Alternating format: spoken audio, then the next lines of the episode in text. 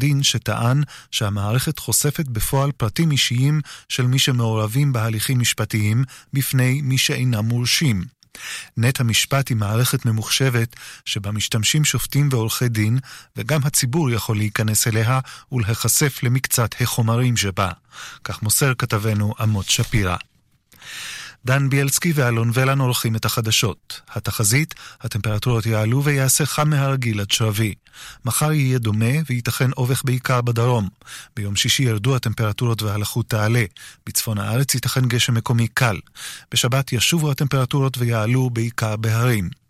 מידות החום המרביות בצהריים בירושלים ובתל אביב 31, בחיפה 29, בצפת 27, בבאר שבע 36 ובאילת 40 מעלות בצהריים. עד כאן החדשות, כאן רשת ב'.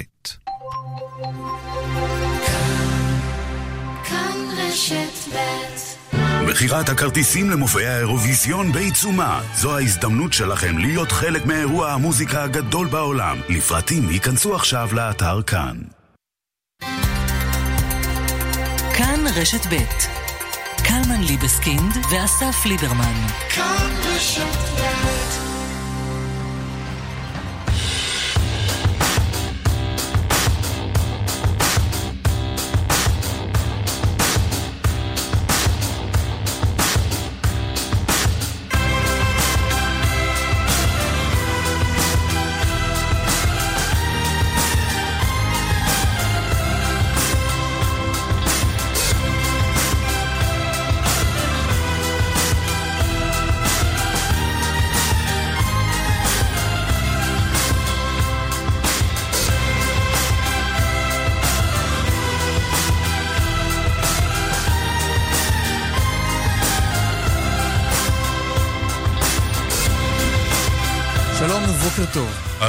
מה שלומך?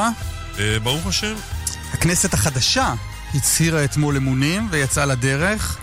נארח מיד את מי שמחזיק בתפקיד מפתח בימיה הראשונים של הכנסת ה-21, חבר הכנסת מיקי זוהר מהליכוד. הוא מכהן כיושב ראש הוועדה המסדרת של המשכן, ולמינויים שהוועדה הזאת תעשה כעת עשויים להיות השפעות גדולות, למשל על חסינות ראש הממשלה מפני העמדה לדין. מיקי זוהר יהיה איתנו עוד מעט. רועי שרון, כתבנו הצבאי, יעדכן על ההיערכות הביטחונית לקראת אפשרות של הסלמה מרצועת עזה. בין היתר כיפת ברזל נפרסה ברחבי הארץ. נדבר גם עם שר הביטחון לשעבר, ובתיק חברי הכנסת, עמיר פרץ. נשאל אותו גם איך זה להיות הוותיק בכנסת, וגם uh, הניסיונות השיקום של מפלגת העבודה. יש כאלה. יהיו כאלה. אני מניח. אפשר להגיד, חבר'ה, עזבו. אמרתי ניסיונות. ינסו. לא, כן? כן. איך אפשר? לא יוותרו. לא. חבר הכנסת יוסף ג'בארין, הוא ויתר. מחד"ש-תע"ל, הוא ויתר על טקס ההשבעה של הכנסת, על הישיבה הראשונה והחגית של הכנסת ה-21. הסיבה, כך הוא כתב בהודעה שפרסם, היא מסיבה שבה הוא השתתף לרגל עלייתה של הפועל אום אל-פחם לליגה הלאומית. נדבר איתו הבוקר.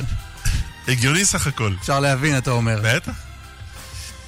את החלק השני של התוכנית נקדיש אה, לערב יום הזיכרון לשואה ולגבורה. בין היתר נדבר עם ניצולת השואה פאני בן עמי, שתדליק הערב משואה ביד ושם.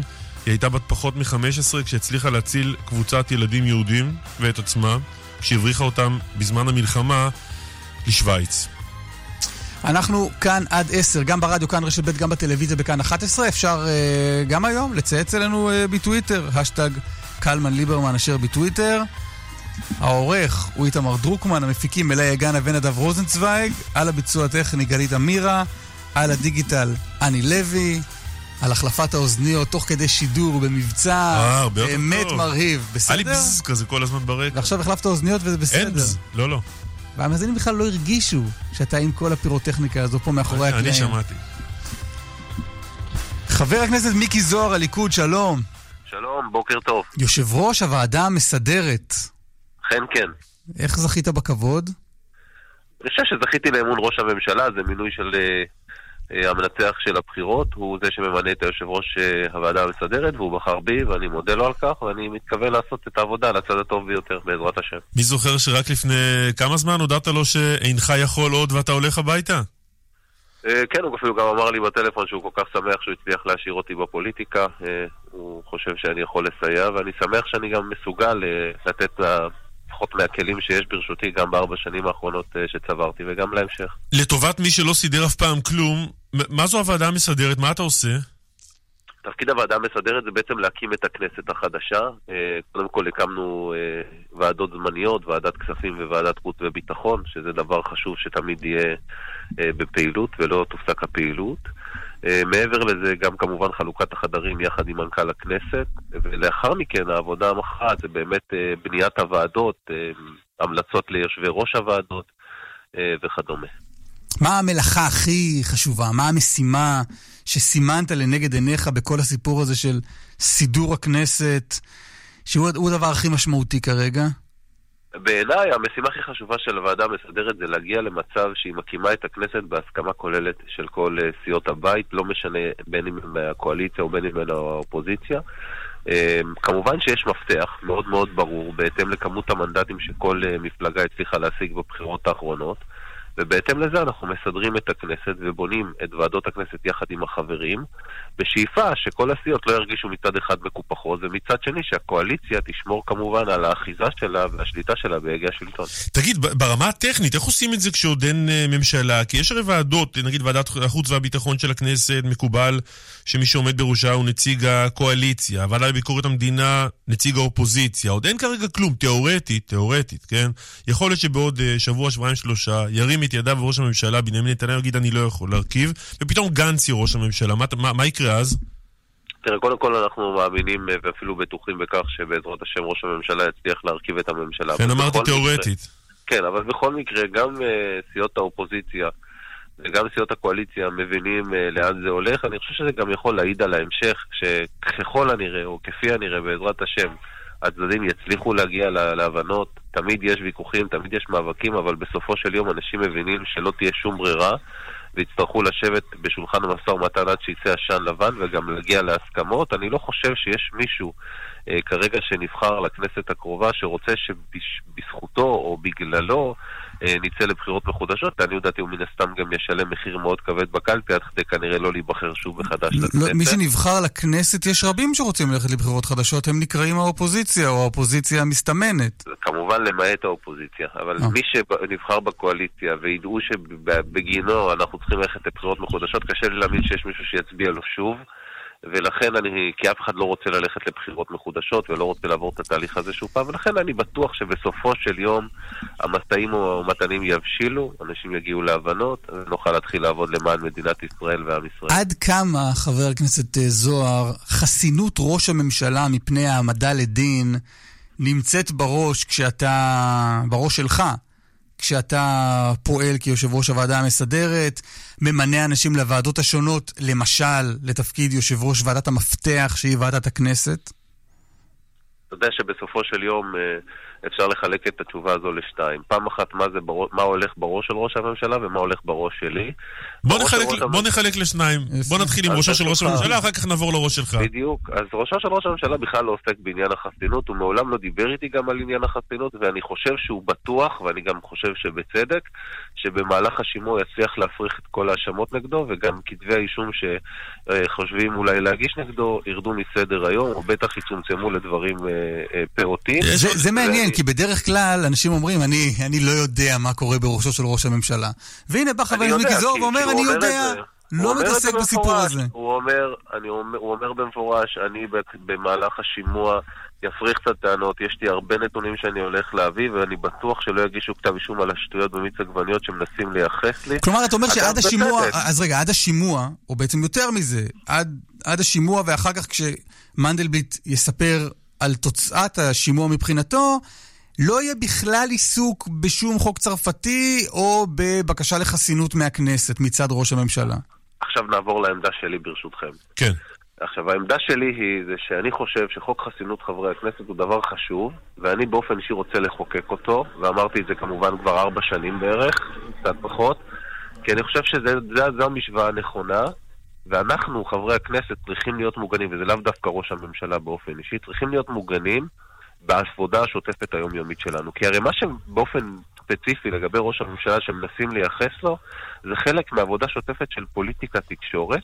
ופעם ראשונה במדינת ישראל נקבע רף חדש פלילי, לכבוד ראש הממשלה כמובן, לא היה אף אחד אה, שקודם לו בעניין הזה. מיקי זוהר, אתה, אתה, אתה יכול להפנות אותנו אולי לאיזושהי הצעה שהגשת בעניין הזה, כי אתה אומר שאתה כבר שנים הולך עם, ה, עם כן, העמדה הזו. כן, בכנסת הקודמת הגשתי את ההצעה הזו. לפני, ש, לפני, שראש לא הממשלה, לפני, לפני שראש הממשלה הסתבך בחקירות? לא, לא, תוך כדי העניין הזה, והוא אמר, אני לא מעוניין בחוק, הוא ביקש ממני לבלום אותו, ולכן גם החוק לא, לא התקדם. אז אני הבנתי לא נכון. חשבתי שאתה אומר שזו הייתה עמדתך מימים ימימה. אתה לא, אומר לו, גיבשת אותה בעקבות חקירותיו של ראש הממשלה. עוד מתחילת החקירות, מהרגע שראיתי מה שמנסים לייחס לראש הממשלה, שמעולם לא היה במדינת ישראל יחסי תקשורת פוליטיקה נחשבים בש... כשוחד, לא כסף ולא מזוודות של דולרים. לא, כי מאזיננו יכלו לקבל את הרושם המוטעה שלהצעה שלך אין קשר לחקירות ראש הממשלה, ורק לא, נבהיר, לא, יש גם מה יש. שעשו, מה שעשו לראש הממשלה... כי זה לא עמדה עקרונית תיאורטית שאתה מסתובב איתה שנים. אתה ראית מה קורה לנתניהו, לא, לא. וחשוב לך שנתניהו לא יעמוד לדין. קודם כל העמדה העקרונית שלי הייתה מאז ומתמיד שעוצמתה של הכנסת וכוחה של הכנסת מוחלש מיום ליום, לאו לא, לא דווקא רק על ידי המערכת המשפטית, אלא על ידי הרבה מאוד אה, מערכות אחרות, וצריך לחזק את כוחה של הכנסת ומעמדה של הכנסת, וחלק מזה זה גם חוק חסינות חברי הכנסת. עסקתי בזה רבות גם כיושב ראש ועדת הכנסת, אבל ספציפית לעניין ראש הממשלה, זה הדליק את הנורה האדומה. ראיתי לנגד עיניי, ואני עדיין רואה לנגד עיניי, ניסיון בעצם הפיכה, לא בדרך דמוקרטית, לא באמצעות קלפי. ראינו בקלפי גם מה הציבור חושב על אותן האשמות כלפי ראש הממשלה. הרי אם הוא היה חושב לפי הנורמות החברתיות פה במדינת ישראל, שמה שעשה ראש הממשלה זה לקבל שוחד פר אקסלנס, ברור שלא היו מצביעים בעבור... אז רוצה... אה, כן, כן, אבל במדינה מסודרת כמו שלנו, בסופו של דבר מי שיושב בדין לשופט בהליכים פליליים, זה לא הציבור, אלא בית משפט. ולפני בית המשפט היועץ המשפטי לממשלה. אבל במדינה דמוקרטית כמו שלנו, היה גם את חוק החסינות. אגב, עדיין קיים עניין החסינות, ומה אומר חוק החסינות לפי סעיף 5ב, אם אינני... שראש הממשלה צריך לפנות, ול... או חבר כנסת, לא. במקרה הזה צריך לפנות ולבקש את החסינות. הוא אומר דבר אבל... אחד פשוט, אחד, לעזור לחבר הכנסת להמשיך לעשות מילוי תפקידו ללא חשש וללא מורא, ודבר שני, להבטיח את רצון הציבור. אלו סעיפים ברורים בחוק חסינות חברי הכנסת.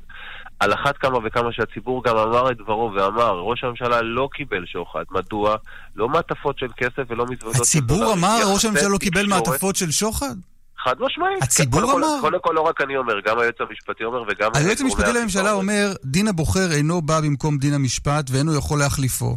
כלומר, חפותו אשמתו של נתניהו אינה נקבעת בקלפי, והציבור לא יכול לקבוע שנתניהו זכאי. יואיל בטובו היועץ המשפטי ויסביר לי מדוע במדינת ישראל 2019 הוכר או הומצא רף חדש של עבירות שוחד, תקשורת פוליטיקה. ממתי זה קרה במדינת ישראל. מחר בבוקר אני אדבר עם קלמן, שאני מאוד מעריך את עבודתו, ואו איתך, שאני מאוד מעריך את עבודתך, ואני אתן לכם איזשהו סקופ אדיר. אתם למחרת תעשו לי איזה כתבה מפרגנת, ויגידו ששיחדתי לא. בסדר, אבל זה נשמע מהדברים שלך, כאילו הציבור אמור לנבור בחומר הראיות, ולהחליט האם זה חצה את הרף הפלילי או לא חצה את הרף הפלילי. ואומר לך היועץ המשפטי לממשלה, אומר, אומר את הברור בעיניי, ההליך הפלילי אינו משיק להליך הבחירות, הוא גם אינו מושפע ממנו. אתה חולק על היועץ המשפטי לממשלה? אני חושב, קודם כל, אני חושב שהציבור בסופו של יום הוא הריבון, אה, אם אינני טועה. אה, וכמובן שהוא קובע גם את הנורמות החברתיות, והוא גם בעצם מסתכל על האירוע. הוא ידע את כל פרטי החקירה, לכל פרט ופרט, בטח ובטח אם הייתם פותחים את אה, ערוצי החדשות בשמונה בערב. ולכן, מהרגע שהוא ידע את כל הפרטים, והבין ואמר בצורה ברורה, שוחד אין כאן. יש כאן יחסי תקשורת פוליטיקה שאין להם שום קשר להגשות כתב אישום וכדומה. והביא תוצאה מאוד מאוד ברורה שגם... מה שאמרת על יחסי תקשורת פוליטיקה, אמרת את זה פעמיים, הבנו את העניין הזה. אה, אה, בענייני חסינות, אה, תקן אותי אם אני טועה, נדמה לי שחוק החסינות, גם מה שהיה בעבר, עסק בעבירות או בחשדות שבהם נחשד חבר כנסת לגבי מה שהוא עושה במילוי תפקידו או למען נכון, מילוי תפקידו. נכון. נניח ענייני המתנות בתיק אלף. אז יכול להיות סיגרים והשמפניות, לא. יכול להיות שבענייני המתנות בתיק אלף חוק החסינות לא יצטרך להיכנס לתוקף. ויכול להיות שבתיק 4000 הוא כן יצטרך להיכנס לתוקף, ויכול להיות שבתיק 2000 זה בין לבין, וגם את זה צריך, צריך לבחון. בשביל זה שתהיה ועדת כנסת, שאם וכאשר בסופו של יום יגיע לפתחה עניין חסינות כזה או אחר, יצטרך לשקול בצורה רצינית, משפטית ועניינית. אוקיי, אז רק, רק, כדי, רק כדי להבין מה הולך... הזה הדברים ברורים. אז רק כדי להבין מה הולך לקרות, עשית חלוקה בין הראש של נתניהו לבין הראש שלך. בסופו של דבר, יש חוק חסינות בקנה, ואתה עומד להניח אותו. אני באופן אישי אשאף להעביר אותו בלי שום קשר לראש הממשלה, מסיבה אחת פשוטה. אני חושב שכל חברי הכנסת היום מרגישים את ה... בוא נגיד, במילים עדינות, את התחושת איום הזו שיש מצד גורמים מסוימים שלא רוצים אותנו בשלטון, לבין מה שהציבור רוצה. כי אנחנו, חברי הכנסת, הם שליח, אנחנו שליחי ציבור, אנחנו צריכים את הביטחון בוא נקרא לגורמים המסוימים האלה בשמם, קוראים להם אביחי מנדלבליט. לא. מה לא? הוא היועץ המשפטי, הוא יחליט. לא, קודם כל, ברור שהוא זה שמחליט, אבל אביחי מנדלבליט, לפני שהוא מחליט, מה שנקרא, יש מי שמכין היטב את הקרקע אה, להחלטה. אבל אחרי שהקרקע מוכנה הוא מחליט, הוא מחליט. אתה יודע מה? אני מנסה לדמיין את אה, אביחי מנדלבליט מחליט שלא להגיש כתב אישום נגד ראש הממשלה בעבירות שוחד, ואני רק מדמיין את העליהום שיהיה כלפיו, אין זה התקשורתי, אין ההפגנות שעשו ויחזרו לעשות אפילו יותר מזה. יכול להיות גם האיומים כמו ניפוץ המצבה של אביו זיכרונו לברכה, ואני... אה, שעדיין לא יודעים מי עשה את זה. מתקשה להאמין שיהיה לו את היכולת לקבל את ההחלטה בצורה הכי נקייה. אז אתה אומר, אז אתה אומר, אם היועץ המשפטי לממשלה לא יוכל לקבל את, ה, אה, אה, לקבל את ההחלטות בראש נקי, בוא נקבל את ההחלטות בראש נקי, אנחנו חברי הכנסת, ונחליט את מי להעמיד לדין ואת מי לא. כי אנחנו הרי לא, לא מושפעים מכל ההמון וההפגנות והלחצים והעיתונות. וכל הפוליטיקה הזאת. קודם כל, זה לא בדיוק אה, אה, נכון. אני אסביר גם למה. כי אנחנו בוועדת הכנסת, או בוועדת חוקה, אני לא יודע אם הדבר הזה בסופו של דבר כן יגיע לסדר היום שלנו, כי בסוף אתה יודע שאתה צריך לקבל באיזושהי קונסטלציה גם את הסכמת הקואליציה ואת הסכמת ראש הממשלה. אני לא יודע אם הוא יסכים לזה. אבל אם בסופו של יום זה יגיע לפתחנו ואנחנו נצטרך לקבל את ההחלטה, אני מבטיח לכם שההחלטה תהיה במשורה, כל החלטה תישקל לגופה, ואני באופן אישי, גם כמי שבוגר אה, שני תארים במשפטים וראיתי אה, כמה דברים בחיי בתחום המשפט, יכול לומר לך שיש הבדל גדול בין עבירה לעבירה, או בין ייחוס עבירה כזה או אחר, וכל דבר הוא לגופו. אוקיי. בעניין הזה של ראש הממשלה אמרתי בעבר ואני גם חוזר בעתיד. מה שקורה עם ראש הממשלה, אין לו שום קשר לעבירות שוחד כאלו ואחרות. אוקיי, אז... רגע, אבל לא, רגע, אחרי האמירה הזאת רק צריך להגיד שכרגע מעל ראש המדינה הוא מרחף כתב אישום בגין שוחד. שלא בסדר. בבקשה. בסדר, לא, אבל, אבל, אבל היועץ המשפטי לממשלה בסופו של דבר הוא זה שקובע את העניין הזה, רק לא להטות את נכון. המאזינים בבקשה. אני לא הטעתי אותם בשום שלב, נכון, היועץ המשפטי לממשלה... אמרת שאין שוחד, ואתה לא יודע להגיד דבר כזה, אתה לא יכול להגיד דבר כזה. אני עוד פעם חוזר ואומר, יש אה, הבדל בין אדם שהוא חשוד, נאשם, ומורשע. נכון, אז בוא, אז לא בוא, אז בוא, נכון, אז בוא תן ליועץ המשפטי לממשלה לעשות את עבודתו. אני רוצה לחדד גם את זה למאזינים ברשותך. הוא לא הורשע בשום מקום, הוא בסך הכל בגדר חשוד שרוצים להפוך אותו עכשיו לנאשם, ולכן במדינת ישראל, פי העקרונות הדמוקרטיים שלנו, אף אחד לא... על זה אנחנו... לא אז מיקי זוהר, כדי לסכם את הפרק הזה, אם אני צריך לבקש ממך הימור, מה הסיכוי שהקואליציה... שאתם בונים, או אם ועדת הכנסת שאתה בונה, ראש הממשלה לא יעמוד לדין בקדנציה הקרובה, אז נניח שהשימוע לא עבר בהצלחה ויכול להיות? בכנות רבה אני לא יודע לומר לך. אני ביקשתי הימור, לא לדעת. הימור שלך. אם זה היה תלוי רק בי, חד משמעית אין שום סיכוי שראש הממשלה יעומד לדין, אבל אה, זה לא תלוי רק בי. זה תלוי בהרבה מאוד גורמים, ואנחנו נראה במרוצת הזמן מה יתפתח. פרסום הבוקר בידיעות אחרונות של אה, יובל קרני על כך שנתן אשל, אה, המקורב לראש הממשלה נתניהו, וגם חבר בצוות המשא ומתן הקואליציוני של הליכוד, מפעיל אה, לחצים על חברת הכנסת עומר ינקלביץ' מכחול לבן לעבור לליכוד, כדי להגדיל את uh, הסיכויים שאכן תהיה קואליציה בראשות הליכוד. מה אתה יודע על זה? אני לא מעודכן בפרט הזה, אני לא בקיא גם בנבחי המשא ומתן אל מול גם הסיעות האחרות. אבל אתם רוצים להעביר ח"כים מכחול לבן לקואליציה? חברים האחרים.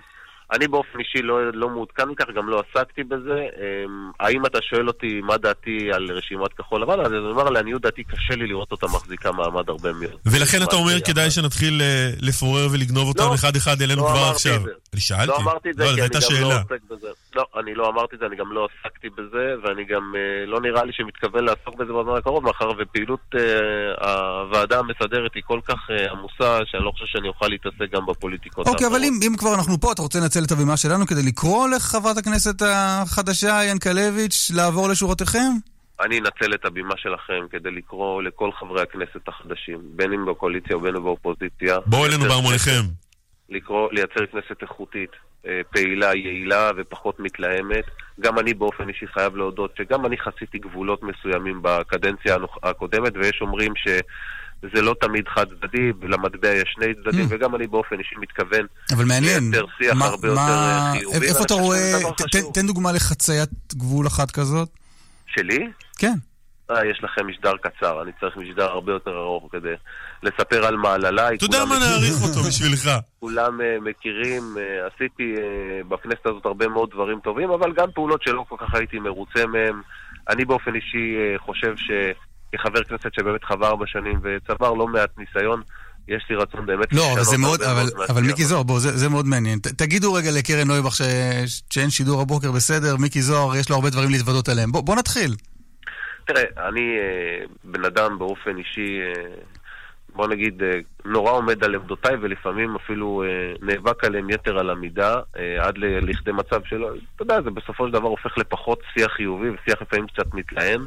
בעניין הזה אני כן באופן אישי מתכוון לעשות שינוי, ואני מקווה שכל חברי הכנסת יעשו את השינוי, כי בסוף, מה שחשוב באמת, לפחות לדעתי, זה הנראות של הכנסת אל מול הציבור. ככל שאנחנו, חברי הכנסת, נראה יותר חיוביים, יותר רציניים ויותר מקצועיים כלפי הציבור, אמון הכנסת יגבר, וזה אחד מן המטרות שהצבתי לעצמי גם בשלהי הקדנציה הקודמת, ואני גם מתכוון לעשות את זה בקדנציה הבאה.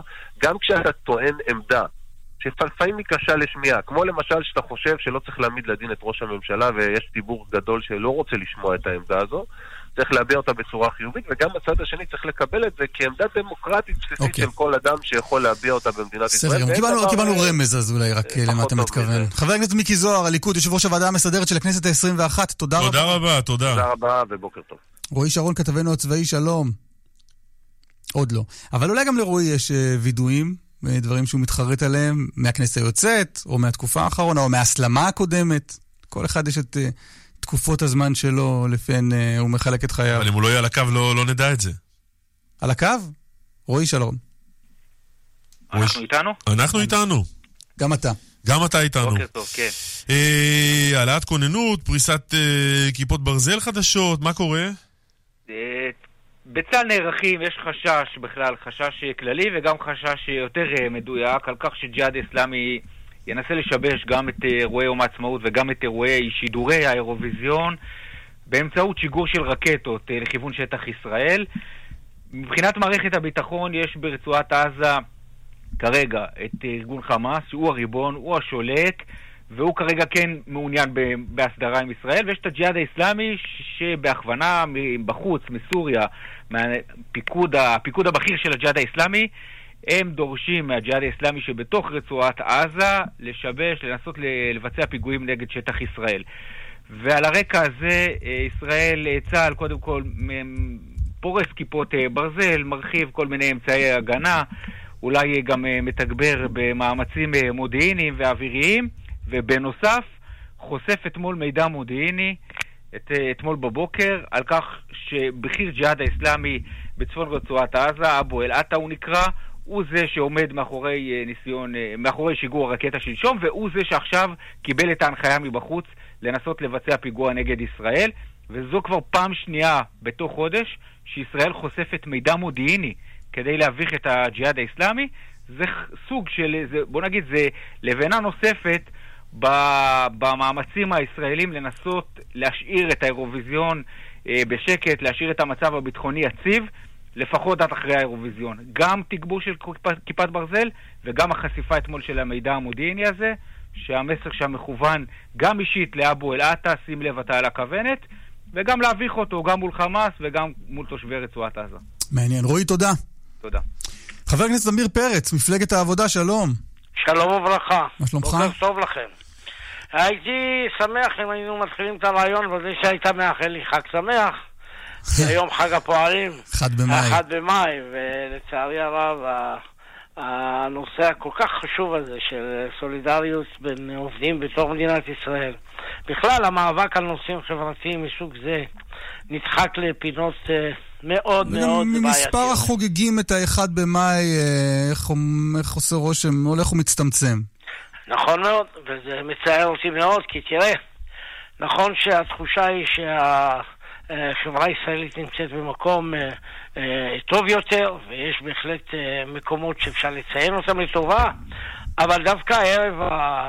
ערב יום השואה, כשאנחנו יודעים שיש עוד אלפי ניצולים שחיים בחרפת רעב, זו לא שאלה פשוטה, זה אומר שיש לנו סיבות טובות לחשוב כיצד החברה הישראלית מתייחסת אה, באמת לאנשים שנמצאים בשולי החברה, שנאבקים על חיי היום-יום. יש מאות אלפי עובדים בישראל שעובדים מאוד קשה וחיים מתחת לקו העוני.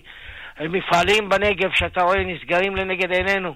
אז יש סיבות טובות מאוד לחשוב מה המשמעות של אחד במאי מעבר למצעדים כאלה ואחרים, והלוואי ונחזור לשאלות האלה. בואו נדבר על אה, חגיגה אחרת, אה, האירוויזיון והניסיונות באמת הקדחתניים של מערכת הביטחון שהאירוויזיון לא ייפגע אה, בירי טילים כאלה ואחרים. מחשבות על התגבור הזה של מערכת כיפת ברזל כדי שזה לא יקרה?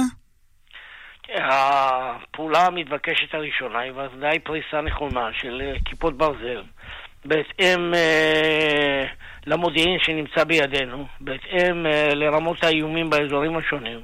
אבל ודאי שהמוקד היום בתל אביב הופך אה, מוקד מאוד משמעותי, לא רק אה, בשאלת האירוויזיון, שאלת האירוויזיון מחדדת את העניין, כי לחשוב שאנחנו מגנים על מרכז הארץ כנושא מרכזי בהיערכות ההגנה שלנו, היא באמת שאלה מאוד מאוד משמעותית לעניין של האם... רק הגנה היא דבר שיספק אותנו, או צריך גם לנהל אסטרטגיה אחרת שגורמת לכך שסכנות מסוג זה לא יהיו על סדר היום אה, בכל אירוע ואירוע. אנחנו תמיד נערכים לפני אירועים כאלה, גם יום העצמאות, גם יום הזיכרון, גם ימים אחרים שמציינים במדינת ישראל אה, אספות המוניות, יום ירושלים. כל הימים האלה הם ימים שמחייבים את מערכת הביטחון לנהוג בדרך אחרת לחלוטין באשר בימי שגרה, וטוב שכך, טוב שנערכים. תגיד, מה הולך להיות קרות עם המפלגה שלך? המפלגה שלי אה, נמצאת בהחלט... אז אני רגע שאתה מנסה להיזכר. איזה מפלגה שלי, כן. מפלגה שלי? מפלגת לא, לא, העבודה, לא. הכוונה למפלגת העבודה. כל חיי, אני חושב שאין אדם אחר שיכול להדגיש באופן מפורש כמי שנלחם על העמדות שלו, על העמדות שלו. להגיד, רצית להגיד כל חיי הייתי במפלגת העבודה ואז נזכרת שהיו לא, עוד לא, איזה לא, שתי מפלגות בדרך. בוא, בוא, בוא, בוא, בוא, עם כל הכבוד לכל הדברים האלה, עדיין אה, אה, אה, את שנותיי הטובות ביותר והארוכות ביותר אני מקדיש למפלגת העבודה ולתפיסותיה, ואני מדבר במובן הרחב יותר של תנועת העבודה, ערכי תנועת העבודה, מאבק לצדק חברתי, מאבק לשלום. אה, ובהחלט אה, אנחנו נמצאים באחת התקופות הקשות ביותר שהיו לנו. אין ספק שלקבל שישה מנדטים זו מפלה מאוד קשה שקשה מאוד להשלים איתה. וזה מחייב אותנו לחשבון נפש מהיר, והיערכות מהירה, ושינויים מהירים. וחלק מהחשבון הנפש מהשינויים שאתה מבקש זה, אחד, לדחות את... Uh... בחירת היושב ראש הבא בשנתיים, והעניין השני זה שלא אה, כל המתפקדים יבחרו את היושב ראש החדש, אלא רק חברי הוועידה. למה זה ולמה זה? אני אסביר. אני בהחלט מקיים שיחות אה, מאוד ענייניות עם יושב ראש המפלגה אבי גבאי, ויש שתי עמדות שעומדות על הפרק. האחת, לקיים פריימריס מיידי בתוך שישה חודשים. ואני חושב שמפלגה שנמצאת במשבר כל כך קשה, הן ציבורי, הן כלכלי, הן ארגוני, ללכת היום לבחירת מועמד לראשות ממשלה, כן? לעוד ארבע שנים, זה נראה לי דבר שהוא אה, איננו מתכתב עם המציאות. ולכן ההצעה שלי היא מאוד פשוטה. אני אומר, בוא נשקם את המפלגה בשנתיים. בעוד שנתיים נעשה פריימריז, כאשר אנחנו יודעים בדיוק מה העמדות החדשות שלנו, מה תפיסת העולם שאנחנו באים להציג למדינת ישראל, מה השאלות המרכזיות שהאזרח הישראלי צריך לראות במפלגת העבודה כמפלגה שמבדלת את עצמה ומביאה משהו אחר לחלוטין לתוך החברה הישראלית. תגיד... את אני... כל אלה אנחנו נעשה. אתה מתאר... דבר... אתה אני, רוצה. רק... אני רוצה רק להדגיש דבר אחד. ההצעה שלי אומרת שמי שייבחר עכשיו הוא לא מועמד לראשות ממשלה, הוא גם לא ראש הרשימה. שלא יהיה הבנות, שאף אחד לא יחשוב חלילה שיהיה פה איזה מחטף. כלומר, בכל מקרה, בכל מקרה יצטרכו להתקיים פריימריס, כן? לקראת בחירות, או בעוד שנתיים, אבל, אבל זה מרגיש כאילו אתה בא... מי כאילו, זה היושב ראש. זה מרגיש כאילו אתה בא להדגיש שכרגע אה, אבי גבאי לא יכול להמשיך להיות יושב ראש מפלגת העבודה, זה נכון? זה לא אני מדגיש, הוא מדגיש. הוא הודיע כבר שהוא רוצה לקיים פריימריס ורוצה לקיים אה, בחירות חדשות. כלומר, זאת לא שאלה שהיא בכלל נתונה לוויכוח. על זה כבר הודיע יושב ראש המפלגה. זה שיש אה, שאלה אם הוא מתמודד או לא. ברור שהאיש לא יכול להמשיך להיות יושב ראש מפלגת העבודה. זה הוא בעצמו הודיע. זו שאלה טקסית כבר, מתי, איך ולמה. התפקיד הזה מעניין אני אותך? חושב שהיום, מה? התפקיד הזה מעניין אותך? מעניין אותי לעשות מעשה לאומי חשוב ביותר. אין אזרח במדינת ישראל, גם אלה מה, מהצד הימני הקיצוני ביותר, שחושבים שמפלגת העבודה צריכה להיעלם מהמפה הפוליטית. כולם מבינים שמפלגת העבודה היא נכס חשוב מאוד למפה הפוליטית הישראלית. מעניין אותי מאוד לשקם אותה, להביא אותה למעמד ציבורי חדש לחלוטין, להציג אותה בפני החברים, לעזור לבחירות הדמוקרטיות הפנימיות, ולהיערך בהחלט מחדש להעמיד את עצמנו כאלטרנטיבה שלטונית. ואותך כי באופן היום אישי, לדבר עלינו... כאל- פרץ, אתה רגע, מתכוון משפט להתמודד. על ראשות מפלגת העבודה? לא, אתה כי יכול- היום- לשלב אותו בתשובה. כן או לא. אתה מתכוון להתמודד עוד שנתיים על ראשות מפלגת העבודה? אני אה, בהחלט חושב שהתפקיד המרכזי שלי הוא לשקם את המפלגה. אני באופן אישי הוא אומר כן. הודעתי, כן, לא, כן, לא, שמעתי, לא, לא, שמעתי. לא, הודעתי שהכוונות שלי הן שונות לחלוטין. אה. אני לא רואה, לא רואה ב- בשאלה של הובלת מפלגת העבודה לבחירות הבאות כשאלה המרכזית מבחינתי, ואני לא, סתם, קל- מבחינת עצמי- קלמן זו שאלה מרכזית. זרום עם קלמן, מה אכפת לך? אז הוא שם את זה כשאלה אני מרכזית. זורם לא. מצוין עם קלמן, לא. ואני מודיע באופן מפורש שהכוונות שלי הן לשקם את המפלגה אבל לא ולהביא ראש אותה. לבוחרים, נקודה. זה הכל. ואז אז להתמודד- ואז להת- שלי- ואז הכוונה להתמודד שלי- על נשיאות המדינה. זאת שאלה שעומדת בהחלט על הפרק. אני בהחלט רואה בתפקיד נשיא המדינה את התפקיד שאני אה, הייתי מאוד... אה, אה, זה אחד התפקידים שאני חושב שבעיתות האלה, שבהם יש פיצול כל כך גדול בעם, יש שסעים כל כך גדולים, ואני רוצה לברך את נשיא המדינה, לאחל לו בריאות, לו ולרעייתו, ולאחל להם המשך עבודה מוצלחת כפי שהם עושים עד היום. ושישיר מסודר חושב- שם כי אני בא אחרי. אני חושב שרובי ריבלין בהחלט נשיא שהשאיר חותם של גם ממלכתיות, גם יכולת לאחד בין כל הקהילות בישראל, ובאמת צריך אה, להודות לו על כך, אז- אז רק אם אם- כוח, ואני חושב שהמטרות האלה, כפי שנשיא המדינה הנוכחי הציב אותן, הן חשובות. הן המטרות אם- נכונות, ואני בהחלט שוקל אם- זאת ברצינות. אוקיי, אם נסכם אז, אה, תפקיד יושב ראש מפלגת העבודה לא פוסל, אה, בנשיאות לא, המדינה, לא, אני- אני בהחלט שם. אני אומר עוד פעם, בוא קודם כל נעמוד במשימה האמיתית שלנו. בוא נצליח לשקם את מפלגת העבודה, בוא ניתן לה את ההזדמנות לחזור ולהיות אלטרנטיבה שלטונית. ואז נתמודד על נשיאות המדינה. נשיאות המדינה היא שאלה שעומדת בפני עצמה, ואני. רואה בזה את אחד הנושאים המרכזיים אוקיי. החשובים למדינת ישראל, לעם ישראל. חבר הכנסת פרץ. ואני בהחלט אומר בצורה הכי ברורה, אני אינני פוסל, אני חושב שזה אוקיי. תפקיד ראוי, ואני. בהחלט אתייצב כאשר אני אגיע למסקנה שיש לי את הסיכוי להיבחר. אתה ותיק חברי הכנסת. נכון מאוד. ואתה מדבר אה, בלהט איתנו על, אה, אתה יודע, של מפלגת העבודה ועל, ו- ו- ועל הצורך ועל מה צריך לקרות עכשיו. אה, ב- באמת, האנרגיה הזאת וה- והלהט הזה, מה, מה, א- איך אדם עושה את זה כנסת אחרי כנסת אחרי כנסת? ואל תשכח שהייתי לפני כן ראש עיר, כן? אז אה, לא... לא, אז, אז אני אעצים את השאלה. היית ראש עיר, ואחר כך היית יושב ראש ההסתדרות, והיית שר הביטחון, והיית...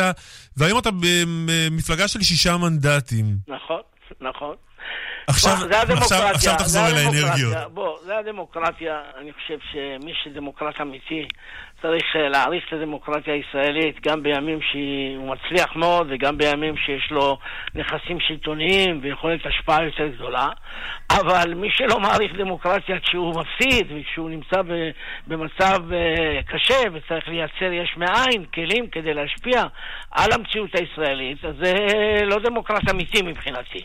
דבר נוסף, כשאני מתראיין איתך עכשיו, ואני אה, יושב כאן בשדרות, ומביט לאתגרים הגדולים שיש למדינת ישראל, ואחרי שאני מקיים שיחה משפחתית עם המשפחה שלי, והמשפחה שלי אומרים לי, הבטחת לנו שלום, הבטחת צדק חברתי. הבטחת יונה. כל עוד אתה יכול, שאתה, אה, כל עוד אתה יכול להשפיע, זה לא משנה באיזה עמדה אתה נמצא, כי הערכה ציבורית היא הערכה ציבורית שלא תלויה בעמדה השלטונית שאתה נמצא בה.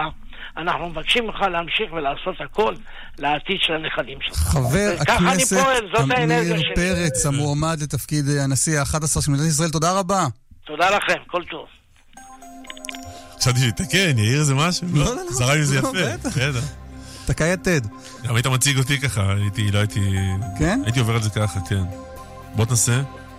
אה, עכשיו אה, יקרא את דיווחי התנועה, אה, קלמן ליבסקינד, המועמד אה, לתפקיד הנשיא האח... לא, לא יושב לי טוב. מה אני אעשה? לא- לא יכול לעשות שקר בנפשי, לא יושב לי טוב. זו הייתה הערה פוגענית.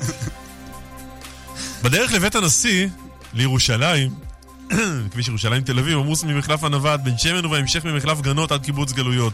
בגאה צפונה עמוס ממחלף השבעה עד מחלף גאה. דרומה, ממורשה עד בר אילן.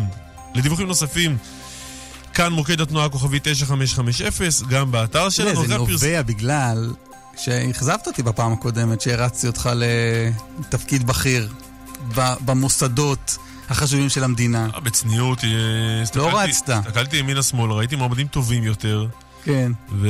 עכשיו אתה אומר, בק- בקרב על הנשיאות אין. לא, אין מועמדים, כשיגיעו הם בטח יהיו טובים יותר, ואז אני אסיר את מועמדותי, אבל כרגע עוד אין. יפה. מי שהסיר את מועמדותו כמי שאמור היה להשתתף ב- בטקס החגי, בישיבה הראשונה בעצם של הכנסת ה-21, והוא חבר בכנסת ה-21. זה האוהד הכי מפורסם של הפועל אום אל-פחם, חבר הכנסת יוסף ג'בארין, שבחר שאתמול... להיות שם, נכון. ולא שם. הוא ידבר איתנו עוד מעט.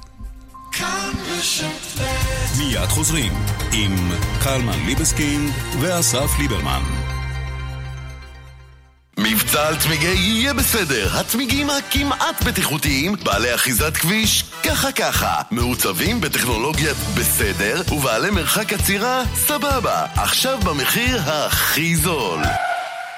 יש כאלו שסומכים על יהיה בסדר, ויש כאלו שמתקינים צמיגי משלן. לפרטים חפשו בפייסבוק צמיגי משלן. הרגע שאמרת לו כן, הרגע שהבת שלך התחתנה, הרגע שעמדת לידה בלידה, הרגע שעמדת מול המראה וראית שוב חיוך מלא שיניים חדשות. אנחנו מרפאות דוקטור יגאל בלן להשתלות שיניים, ואנחנו גאים להיות שותפים לאלפי רגעים משני חיים. עצרי רגע, קבלי החלטה ונחזיר גם את החיוך שלך לחיים. 1-800-302-301, דוקטור בלן. 1-800-302-301.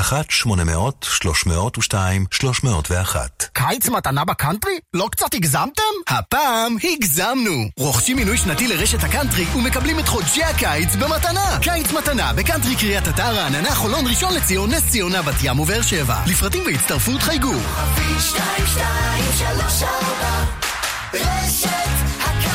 כפוף לתקנון. גם במדיח אין על הקפסולות של פרי. היי, כאן דליה מזור. האביב הוא הזמן המושלם לפרוח ולהתחדש אצל רונית רפאל, עם טיפול בקמטים ובסימני הזמן בטכנולוגיה מתקדמת ביותר. רונית קוראת לזה מדע היופי, ואני, אני אומרת לה תודה. לפגישת ייעוץ ללא עלות חייגו כוכבית 2555. רונית רפאל, מדע היופי. כל החורף חיכיתם לו, וסוף סוף הוא הגיע. אבטיח בלי גרעינים? לא! מי סייל בשטראוס מים. ברי המים תמי 4 עכשיו במחיר מיוחד. הזמינו עכשיו, ובקיץ הזה כל המשפחה תשתה יותר ויותר מים. שטראוס מים, כוכבית 6944 או באתר, בתוקף עד 23 במאי 2019, כפוף לתקנון, על פי סקר TNS מרץ 2019. גם במדיח אין על הקפסולות של פרי. לפגישת ייעוץ ללא עלות חייגו כוכבית 2555. רונית רפאל, מדע היופי. עדיין אין לכם כרטיסים לאירוויזיון בישראל? מכירת הכרטיסים לאירוע המוזיקה הגדול בעולם בעיצומה. לפרטים ייכנסו עכשיו לאתר כאן. כאן רשת ב' הפועל אום אל-פחם עלתה לליגה הלאומית, ודאי שמעת? בטח. איתנו אה, אוהד הקבוצה, חבר הכנסת יוסף ג'בארין, חד"ש תע"ל, שלום. שלום שלום, בוקר טוב. איך היה אתמול? אה, מאוד אה, נהניתי, באמת אה, אירוע חגיגי, משמח. אגב, בהפועל אום אל-פחם יש הרבה גם שחקנים יהודים, גם המאמן יהודי, אז הייתה חגיגה... אין לנו בעיה עם שחקנים ערבים, זה בסדר. לא, אני אומר שגם הייתה חגיגה יהודית כן. לא, לא, אני צוחק. משהו, משהו שאנשים פחות מכירים אגב, לגבי גם העיר אום אל-פחם וגם... תגיד, מי, מי הכוכבים הגדולים של הפועל אום אל-פחם? מי, מי הביא, נגיד, מי העלייה הזאת, על שם מי רשומה? האמת היא, על שם כל השחקנים, כמובן הקפטן, ההנהלה, המאמן, שמעון אדרי, כולם, כולם ביחד לדעתי. אבל מה שמייחד את הקבוצה הזו זה, יש, יש אוהדים שנמנים באלפים. אנחנו מדברים על שישה, שבעת אלפים, שמונת אלפים אוהדים שמגיעים כדי לתמוך בקבוצה, ולכן לדעתי... ביישוב המים, גם אם יש ישיבה חגיגית של הכנסת באותו הזמן. נכון, גם אם יש ישיבה חגיגית. אני, אני אגיד לכם בכנות, אני לא, לא התאמצתי להיות uh, בישיבה החגיגית אתמול. אני חבר כנסת מכהן, אני גם ממשיך. הייתי בישיבה החגיגית הראשונה, ומרגיש שהסתפקתי במנה שכבר קיבלתי. לא, אבל זו אמירה. בסוף יש ישיבה ראשונה של הכנסת, השבעה, אירוע חגיגי, ואתה אומר עם כל הכבוד, הפועל אום אל-פחם עלתה ליגה. בואו, יש סדרי עדיפויות בחיים, זאת אמירה. אני חייב להגיד את האמת. הטקס הזה הוא טקס שהוא רווי סמלים. גם, גם ברמה של ההמנון והדגלים והתמונות והסמלים שבכל מקום. כולם סמלים יהודיים ציוניים. דתיים, באופן בלעדי, הם, הם סמלים ששייכים לקבוצת הרוב. וזו עבירה לא נוחה לחבר הכנסת הערבי, צריך להגיד את האמת. אז בוא, רק צריך להגיד את האמת, גם הפועל אום אל-פחם אתה יורדת ליגה, היית הולך לחגיגות אתמול. בקיצור, זה לא היה העניין. תשמע, לא חשבתי לא חשבתי על זה, אבל אני אמרתי בכנות שאני לא התאמצתי להיות שם. אגב, אני ליוויתי את הקבוצה לכל, לכל העונה, ובאמת רציתי להיות עם, עם האוהדים, אבל גם אמרתי בכנות שלא נוח, לא נוח לחבר לא. גם אם הייתה אספת כיתה של אחד הילדים, או גם אם היה איזה מבצע בסופר, גם אז לא היית מגיע ל... לחגיגה בכנסת. תשמעו, לא חשבתי על זה, אבל למה אתם לא מתעסקים בדברים המהותיים שאני אומר? אז בוא, נתעס... אז בוא נתעסק, אתה יודע מה, אתה צודק, בוא נתעסק רגע בדברים המהותיים שאתה אומר. אלה שכן היו, אתה בכלל לא הגעת, אתה לא אוהב את הסמלים, אתה לא אוהב את הטקסים, את, ה... את כל הדברים האלה. אלה שכן היו, יצאו באמצע. מה זה באמצע? בנקודה מאוד מסוימת שבה השמיעו הקלטה של ראש הממשלה הראשון, מייסד המדינה, דוד בן גוריון. נכון, אני, אני בטקס ההשבעה שבו נכחתי לפני ארבע שנים, גם כשהיה החלק של ההמנון ואחרי ההשבעה אני יצאתי. כל חבריי, חברי הכנסת הערבים וגם חבר הכנסת עופר כסיף מחדש יצאו גם הפעם. ואני חושב שזה בהחלט מובן. ההמנון הוא המנון יהודי, ציוני, הוא מספר את הנרטיב הבלעדי של הרוב היהודי. ולכן אי אפשר לצפות מחבר כנסת ערבי להיות שותף בכך. תגיד, יש... דיברתי, סליחה, רק כשאני כן, דיברתי כן. על הדברים המהותיים, אז אני אומר, מדינת ישראל נכשלה במשך יותר מ-70 שנה לאמץ שום סמל, בשום רמה. שיהיה בכלל רלוונטי לציבור הערבי או לכלל האזרחים. זו תחושת ניכור, זו תחושת הדרה, זו תחושת חוסר שייכות. וזה נמשך, זה נמשך עד היום. אבל תגיד, חבר הכנסת ג'בארין, יש עתיד לאיזשהו דו-קיום, חיים משותפים של יהודים וערבים פה בישראל, כשנציגי האגף הערבי בכנסת לא מסתפקים בלא לשיר את ההמנון, שזה עניין אחד, אתה יכול להגיד, נפש יהודי הומייה, אני לא מתחבר לזה, אלא לא מוכנים להיות נוכחים באולם, או כשזה קורה, או כשמוזכרות נסיבות הקמתה של המדינה הזו. יש לאן ללכת ביחד בכלל? אני, אני חושב שבהחלט כן. ואני, כל הפוליטיקה שאני והמפלגה שלי מנסים לקדם היא פוליטיקה של תקווה, פוליטיקה של חיים משותפים. לא סתם הזכרתי שאתמול בחגיגות באום אל-פחם, מה שאני בטוח שהמאזינים כמעט ולא מכירים. זה הייתה משפחות יהודיות וערביות שחגגו ביחד אה, אה, בעיר אה, את העלייה של הקבוצה בעיר. זה יפה, אבל רגע תשאר איתנו עם הכנסת, כי דוד בן גוריון, כן. מבחינתך, הוא, הוא, הוא מה, הוא אדם שאסור להזכיר אותו? אסור להשמיע אותו? לדעתך, אין מקום להשמיע את דוד בן גוריון ביום השבעתה של הכנסת? זה לא, זה לא מתאים, זה לא רלוונטי? אני, מחפש אה, דברים שהם משותפים ומחברים. אה, אה, ואפשר לחשוב על זה בין ללכת על דברים שהם יכולים להיות רלוונטיים לשני הצדדים באופן שווה, או ללכת על טקסים שהם יותר נייטרליים מהבחינה הזו. ולכן השאיפה שלי היא שאיפה של מדינה שתאמץ את סמלים שיהיו רלוונטיים לשתי הקבוצות, שוויוניים, יבטאו זיקה שיבה גם לך וגם אה, לי, ואז אני ארגיש, ארגיש כמובן אה, אה, נוח יותר להיות שותף. אני לא חושב ש... במולדת שלי אני צריך להיות בטקס שבו יסתכלו עליי כאזרח נחוץ. ואני חושב שהעליונות הזו, שאגב עכשיו קיבלה ביטוי עוד יותר חזק בחוק הלאום, היא משהו פסול, היא משהו שמקבע את המעמד הנחות שלי. אה, ולכן, אגב, אני הגשתי בכנסת האחרונה הצעת חוק אה, מדינת ישראל כמדינה דמוקרטית, שוויונית ורב-תרבותית, ובה אני הצעתי שהסמלים ישקפו אה, זיקה שווה של המדינה גם ליהודים וגם, וגם לערבים. כמובן כן. שההצעה נדחתה, אבל לדעתי זה, זו הדו-קיום האמיתי, לא, לא הדו-קיום שמבוסס על עליונות של קבוצה אחת על חשבון חבר הכנסת יוסף ג'בארין, חד"ש-תע"ל, תודה רבה על השיחה הזו. תודה לכם, תודה. דיברנו על האירוויזיון כאירוע שמערכת הביטחון רוצה שיעבור בשקט, כי יש לנו אינטרס אה, חשוב בכך שהאירוויזיון אה, יעבור כמו שצריך, אבל בוא נדבר על האירוויזיון עצמו. אם, אם תסכים כמובן. בטח. איך אתה, איך אתה נערך באופן אישי? אתה יודע, פיצוחים וזה, ואתה יודע, על הספה, כבר, כבר יושבים. אביעד רוזנבוים הוא העורך המוזיקלי הראשי של כאן, אה, ואף חבר בצוות השיפוט. יושב ראש ועדת, לדעתי. נכון, אביעד? אחד המיקרופונים שלך, המיקרופון הלא נכון אצלך באולפן הפתוח, אני מזהה. נכון. כן. נכון. אז נכון, יו"ר ועדת השיפוט גם. קודם כל ברכות. תודה, תודה. וואו, זה תפקיד. אתה אסתר חיות של האירוויזיון. כמעט, כמעט. וואו. מה זה, איך עושים את זה? מה אמור לקרות? אה, בעצם יש אה, צוות שופטים אה, שמורכב מאנשי מקצוע, זמרים, כותבים וכולי, לכל מדינה, ושומעים את השירים, בעצם צופים בתחרות עצמה. בערב לפני יש חזרה גנרלית שנקראת גם חזרת שופטים, לפני כל אחד מהאירועים. שם צופים בכל האירוע ומנקדים, מדרגים את השירים. זה שווה בעצם 50% מהדירוג של כל מדינה. עכשיו, אופן הדירוג באירוויזיון זה בהכרח על פי איזה שיר הוא יותר טוב? הרי תמיד יש שם את הסיפור. אה, האנשים היותר אה, מעניינים, החריגים, שמביאים איזה משהו אחר לבימה האירופית, או שאתה אומר, אני רק תן לי איזה מלודיה טובה, שההרמוניה תשב כמו שצריך, שיר טוב. תראה, צריך, אני חושב שבבסיס צריך קודם כל שיר, לא אפילו יותר מטוב, צריך שיר מצוין. צריך משהו באמת אה, יוצא דופן ומשאיר לך איזה רושם שהוא מיוחד, אבל מעבר לזה, אתה יודע, אירוויזיון זה שואו בסופו של דבר, ואי אפשר להתעלם מזה.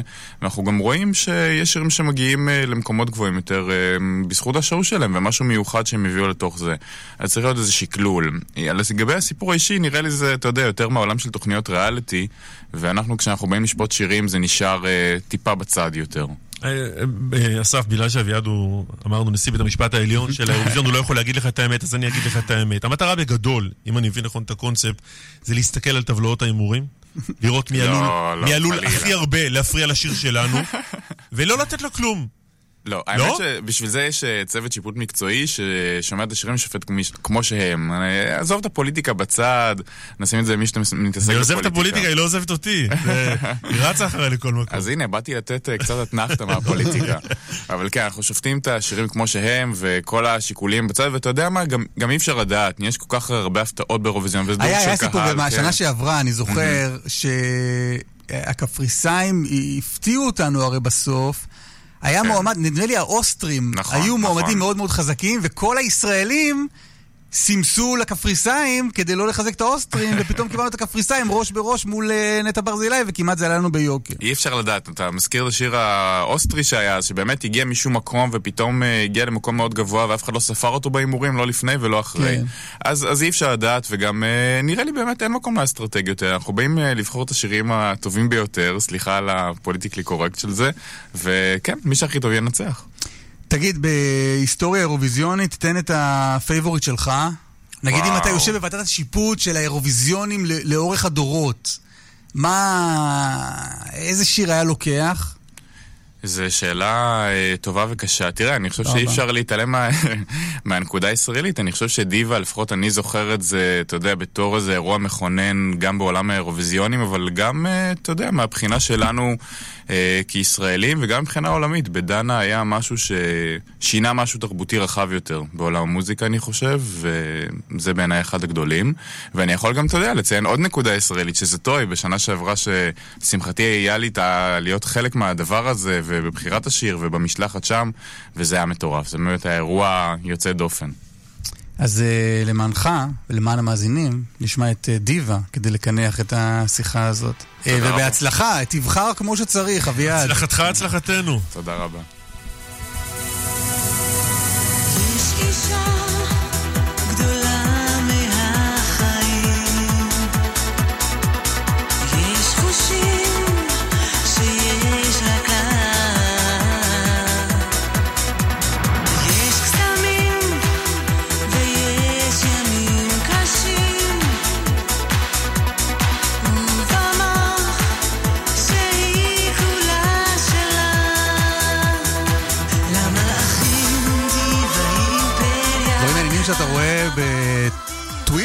מרדכי שטכלברג אה, שואל האם יציאה של הח"כים הערבים בהמנון או ההברזה של חבר הכנסת ג'בארין מהטקס היא לא הפרה בוטה של סעיף 7א שאומר שלילת קיומה של מדינת ישראל כמדינה יהודית ודמוקרטית? נדמה לי שהתשובה היא לא, וכבר עשו שם דברים שיותר קרובים לאווירה על החוק הזה מלא להגיע לטקס או מלצאת החוצה. הסוציולוג השתוי מבקש להזכיר לכולם, אמנם יש למפלגת עבודה רק שישה מנדטים, אבל היא מפלגה חמישית בגודלה בכנסת הנוכחית, כשיש חמש מפלגות קטנות יותר ממנה. כשמדברים על מערכת בחירות בה שתי מפלגות שעברו את רוב המנדטים, זה לא פיאסקו כל כך גדול כמו שעושים מזה כל פעם. בחור אופטימי. כן, זה לא לקחת... בטוח שעמיר פרץ היה חותם על זה. כן, זה לקחת את המושג חצי הכוס המלאה מבחינת מפלגת העבודה למחוזות קצת אה, קיצוניים. אה, אה, לא, חצי כוס מלאה שגם כשנשפכת עליך אתה לא נרטב. כן. הצייתנים שלנו מתרגשים מי יותר מי פחות מהבעת החרטה שהשמיע כאן מיקי זוהר בתחילת השעה. הוא אמר עשיתי דברים, התלהבתי, התלהמתי ואני מקווה להשתפר בנושא הזה. אז גבריאלה מתרגשת, היא כותבת מיקי זוהר הביע חרטה, חברי מיקי זוהר הביע חרטה. גולן, גולן לעומת זאת כותב, מיקי זוהר אומר שהחיסרון שלו שאני פרפקציוניסט. שזה דרך אחרת לראות את העניין הזה. טוב, אנחנו יוצאים לפרסומות חדשות, שעה הבאה בטון אחר לגמרי. ממש. ערב יום הזיכרון לשואה ולגבורה, אנחנו נשמיע כאן כמה שיחות uh, מאוד מעניינות לרגל היום הזה. אז uh, פרסומות וחדשות, ואז השעה השנייה של קלמן ליברמן. עוד מעט. כאן רשת מכירת הכרטיסים למופעי האירוויזיון בעיצומה. זו ההזדמנות שלכם להיות חלק מאירוע המוזיקה הגדול בעולם. לפרטים ייכנסו עכשיו לאתר כאן. יום הזיכרון לשואה ולגבורה, בכאן רשת ב' ב-8 בבוקר, אריה גולן ויואב קרקובסקי במשדר מיוחד. ב-12 בצהריים, בחצי היום, ליאת רגב עם סיפורי הניצולים, עדויות ממצעד החיים ודיווחים מטקסי יום השואה. בשתיים, קלמן ליבסקינד ואימו, זיכרונה לברכה, בתוכנית על הסיפור המשפחתי בצל המלחמה. ובארבע, שידור ישיר ממצעד החיים בפולין. מחר, כאן רשת ב'. עמך, המרכז הישראלי לתמיכה נפשית וחברתית לניצולי השואה, משפחותיהם ובני הדור השני. אצלנו מקשיבים לכם, מסייעים בהתמודדות עם אירועי העבר ופועלים למען הווה ועתיד טובים יותר. עמך, הבית החם של ניצולי השואה, הקו הפתוח, 1-800-27-6655 בישראל מעט מאוד מנעולנים מקצועיים. בכל שנה מתקבלות בארץ יותר משני מיליון קריאות למנעולנים. שמי בועז פמסון, יושב ראש עמותת המנעולנים. היום גם אתם יכולים ללמוד בכיתה או מהבית את סודות המקצוע, לקבל תעודה מהעמותה ולהרוויח בעבודה מכובדת. ועכשיו ניתן לקבל הלוואה טלפונית למימון הקורס בהחזר ממאה שקלים לחודש. לפרטים, התקשר, כוכבית 5983 הפנייה לגברים ונשים כאחד. כפוף לתנאי מתנה הלוואה. אי עמידה בפירעון ההלוואה עלול לגרור חיוב בריבית פיגורים והליכי הוצאה לפועל. לקבלת חבילה של 100 ג'יגה גלישה, שיחות והודות בלא הגבלה ב-29 שקלים לחודש בלבד ובלא הגבלת זמן, המסדר יעבור לגולן טלקום. עבור לגולן ביום העצמאות הזה עוברים לגולן טלקום ונהנים מחבילה משתלמת במיוחד ב-29 שקלים לחודש. להצטרפות חייגו כוכבית 0058, בקרו באתר או בחנויות גולן טלקום ברחבי הארץ. גולן טלקום, המון סלולר, מעט כסף. כפוף לתקנון. שמי שרה לייכט, נולדתי ברומניה בשנת 1929. שנים לא סיפרתי את קורותיי בתקופת השואה, עד שבאו אליי מיד ושם. כעת הסיפור שלי מונצח, למען הדורות הבאים. לתיאום צילום עדות בבית הניצול, התקשרו 02-644-3888.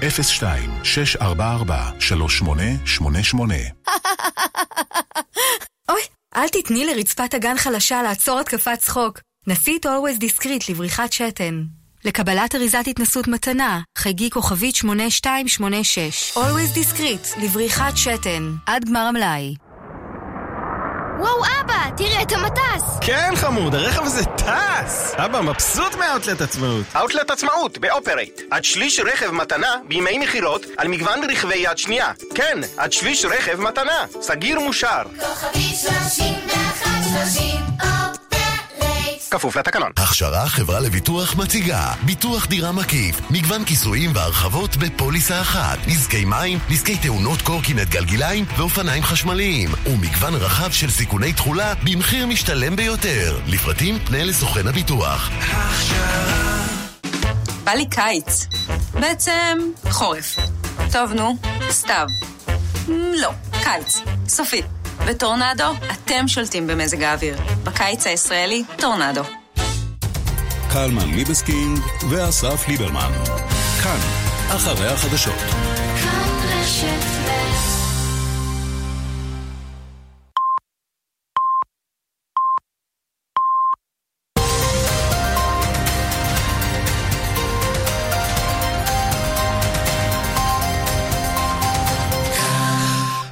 רשת ב', כל ישראל מירושלים, שלום רב, השעה תשע, הנה החדשות מפי עופר נחשון. במפלגת כולנו לא מתכוונים להתחיל את המשא ומתן הקואליציוני עם הליכוד בתקופה הקרובה, מאחר שבמפלגה רוצים לראות מה יוסכם בין הליכוד לבין שאר המפלגות שאיתן מתנהלות השיחות. במפלגת כולנו מבקשים לדעת מה יהיו ההתחייבויות הכספיות בגין דרישות המפלגות האחרות, לפני שבכולנו יקבלו על עצמם את משרד האוצר. לא נהיה פראיירים וניכנס לקואליציה כבר עכשיו, ואז נידרש לטפל בהתחייבות של עשרות מיליארדי שקלים, אמרו בכולנו. כתבנו זאב קם מוסר בתוך כך שכמה חברי כנסת ממפלגת כחול לבן אינם פוסלים בשיחות סגורות הצטרפות של המפלגה לקואליציה, לפחות כל עוד אין החלטה סופית של היועץ המשפטי לממשלה בעניין תיקי נתניהו. חבר הכנסת אבי ניסנקורן הכחיש את הדברים מכל וכול בשיחה עם כאן רשת ב'. חבר הכנסת מיקי זוהר מהליכוד אומר כי הוא מתקשה להאמין שליועץ המשפטי מנדלבליט יש היכולת לקבל את ההחלטה הכי נכונה בראש נקי בעניין תיקי ראש הממשלה. זוהר אמר בתוכנית קלמן ליברמן בכאן רשת ב' כי ראש הממשלה לא עוסק בעניין חוק החסינות והוא בטוח שיוכל להפריך את ההאשמות נגדו בשימוע אצל היועץ המשפטי. לדבריו, חוק החסינות חשוב, וחברי הכנסת צריכים להיות מוגנים בעבודה השוטפת. עוד אמר כי עוצמתה של הכנסת מוחלשת בכל יום, וצריך לחזק אותה על ידי חוק החסינות. כל חברי הכנסת מרגישים את תחושת האיום מצד גורמים מסוימים שלא רוצים אותם בשלטון. יש מי שמכין את הקרקע להחלטה של היועץ המשפטי נגד ראש הממשלה. דברי חבר הכנסת מיקי זוהר. המשבר בוונסואלה נשיא קובה, דיאס קנל, דוחה בחריפות את האיום של נשיא ארצות הברית טראמפ להטיל על ארצו אמברגו מלא ועיצומים חמורים ביותר, אם כוחותיה לא יחדלו מיד לפעול בוונסואלה לשימור שלטונו של הנשיא מדורו.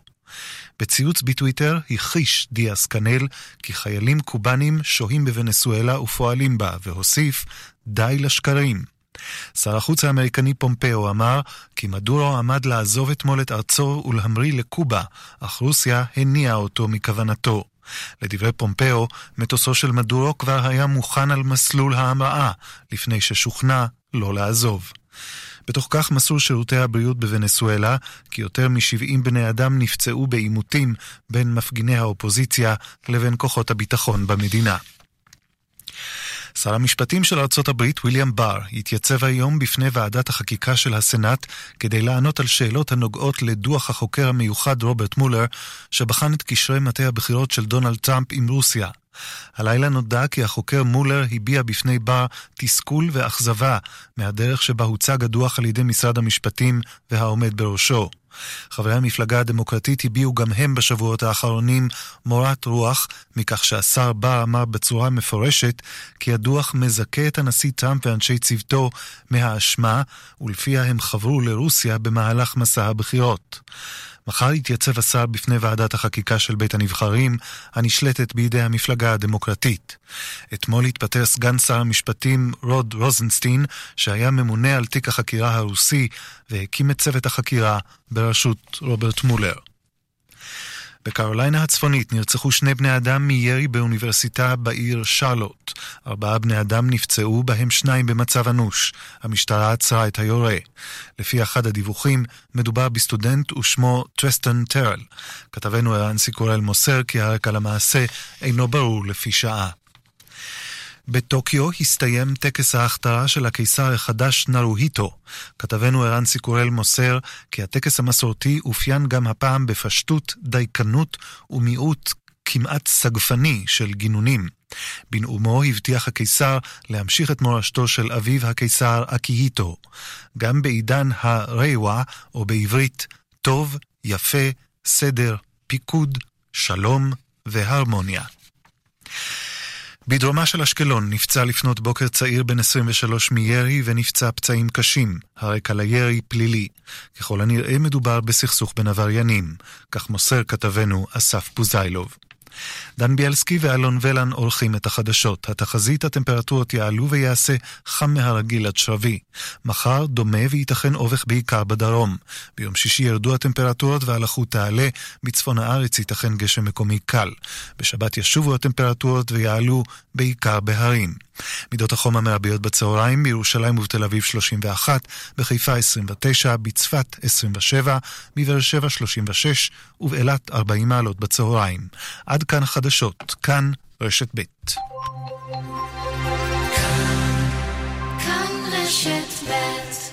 מכירת הכרטיסים למופעי האירוויזיון בעיצומה. זו ההזדמנות שלכם להיות חלק מאירוע המוזיקה הגדול בעולם. לפרטים ייכנסו עכשיו לאתר כאן. רשת ב' קלמן ליבסקינד ואסף ליברמן. כאן רשת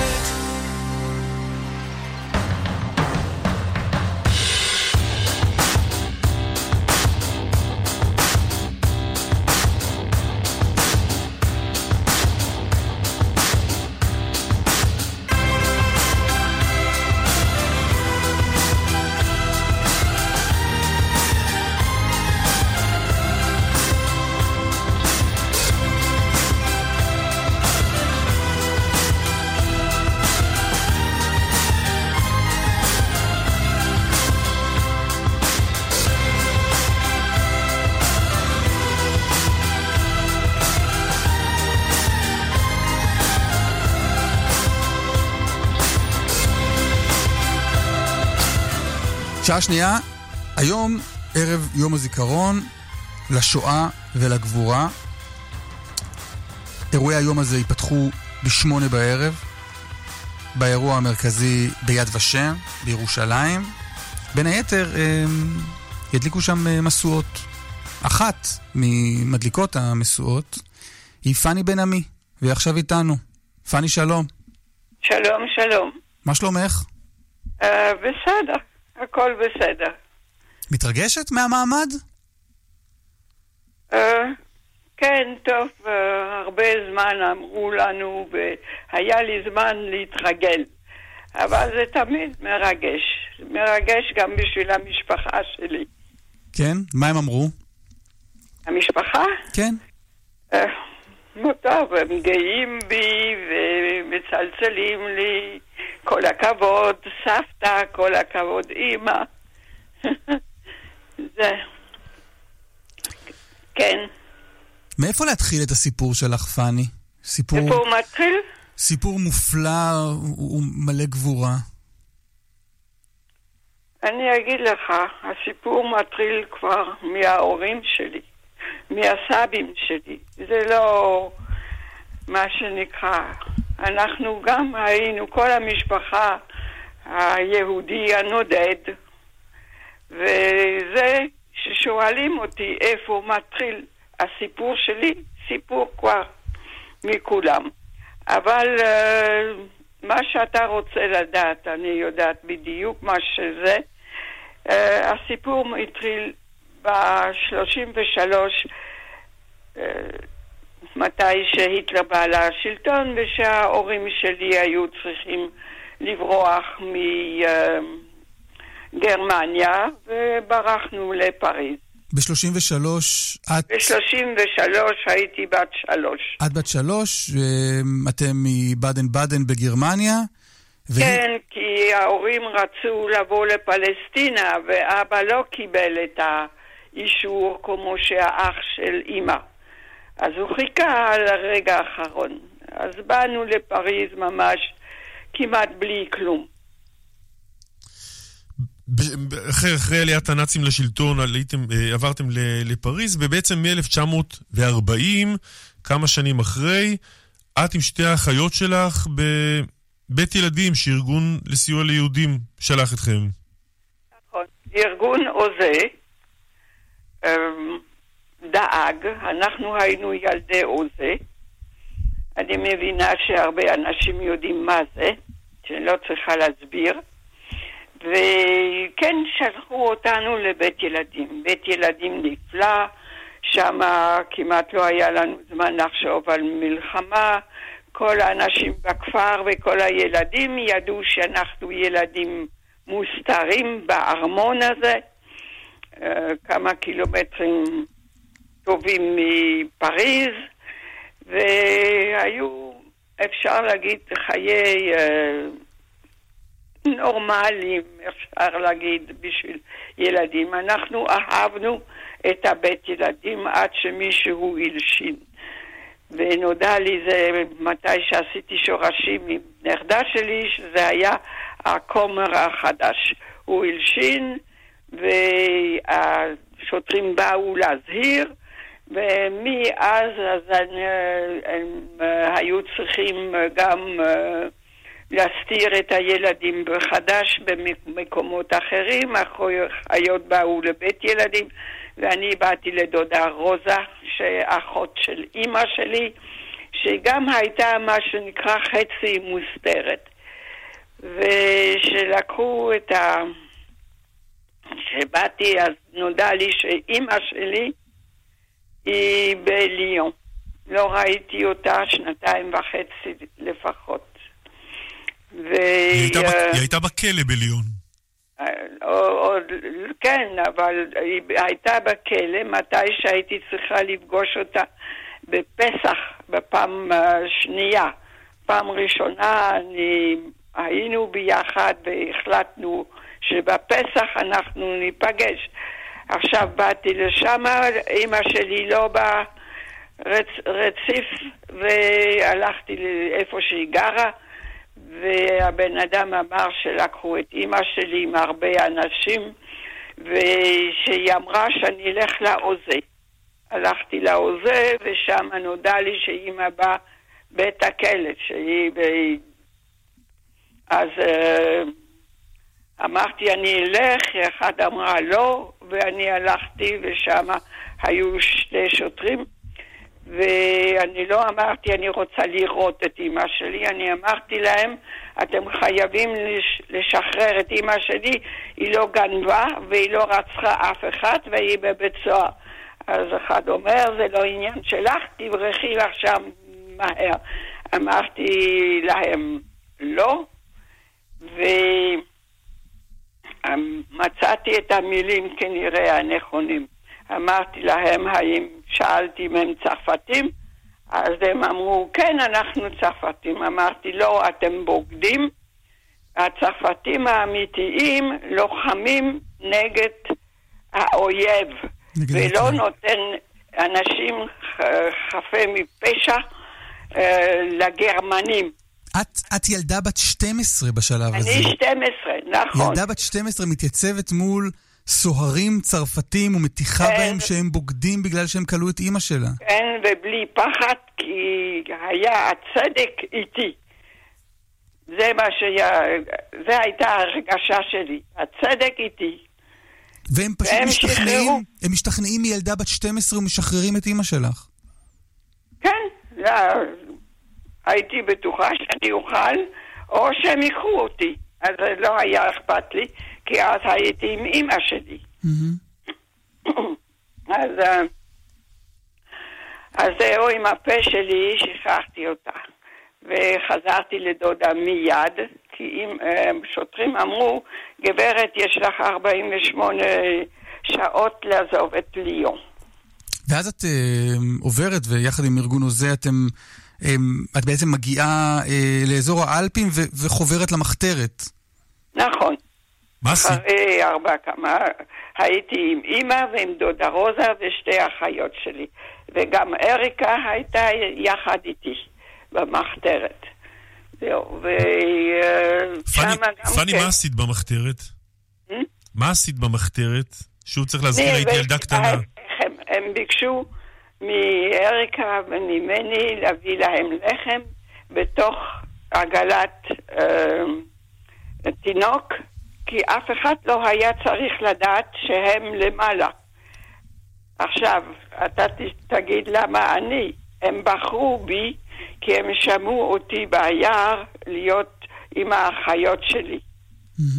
אז uh, הייתי שמה ושאלו אותי אם אני רוצה לעשות משהו נגד האויב.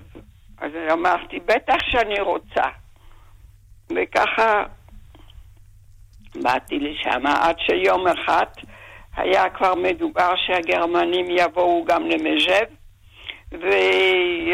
ואנחנו מחכים ללחם, ואני שומעת איך שהאופה מדבר בגרמנית, והוא אומר, כן, כן, יש הרבה.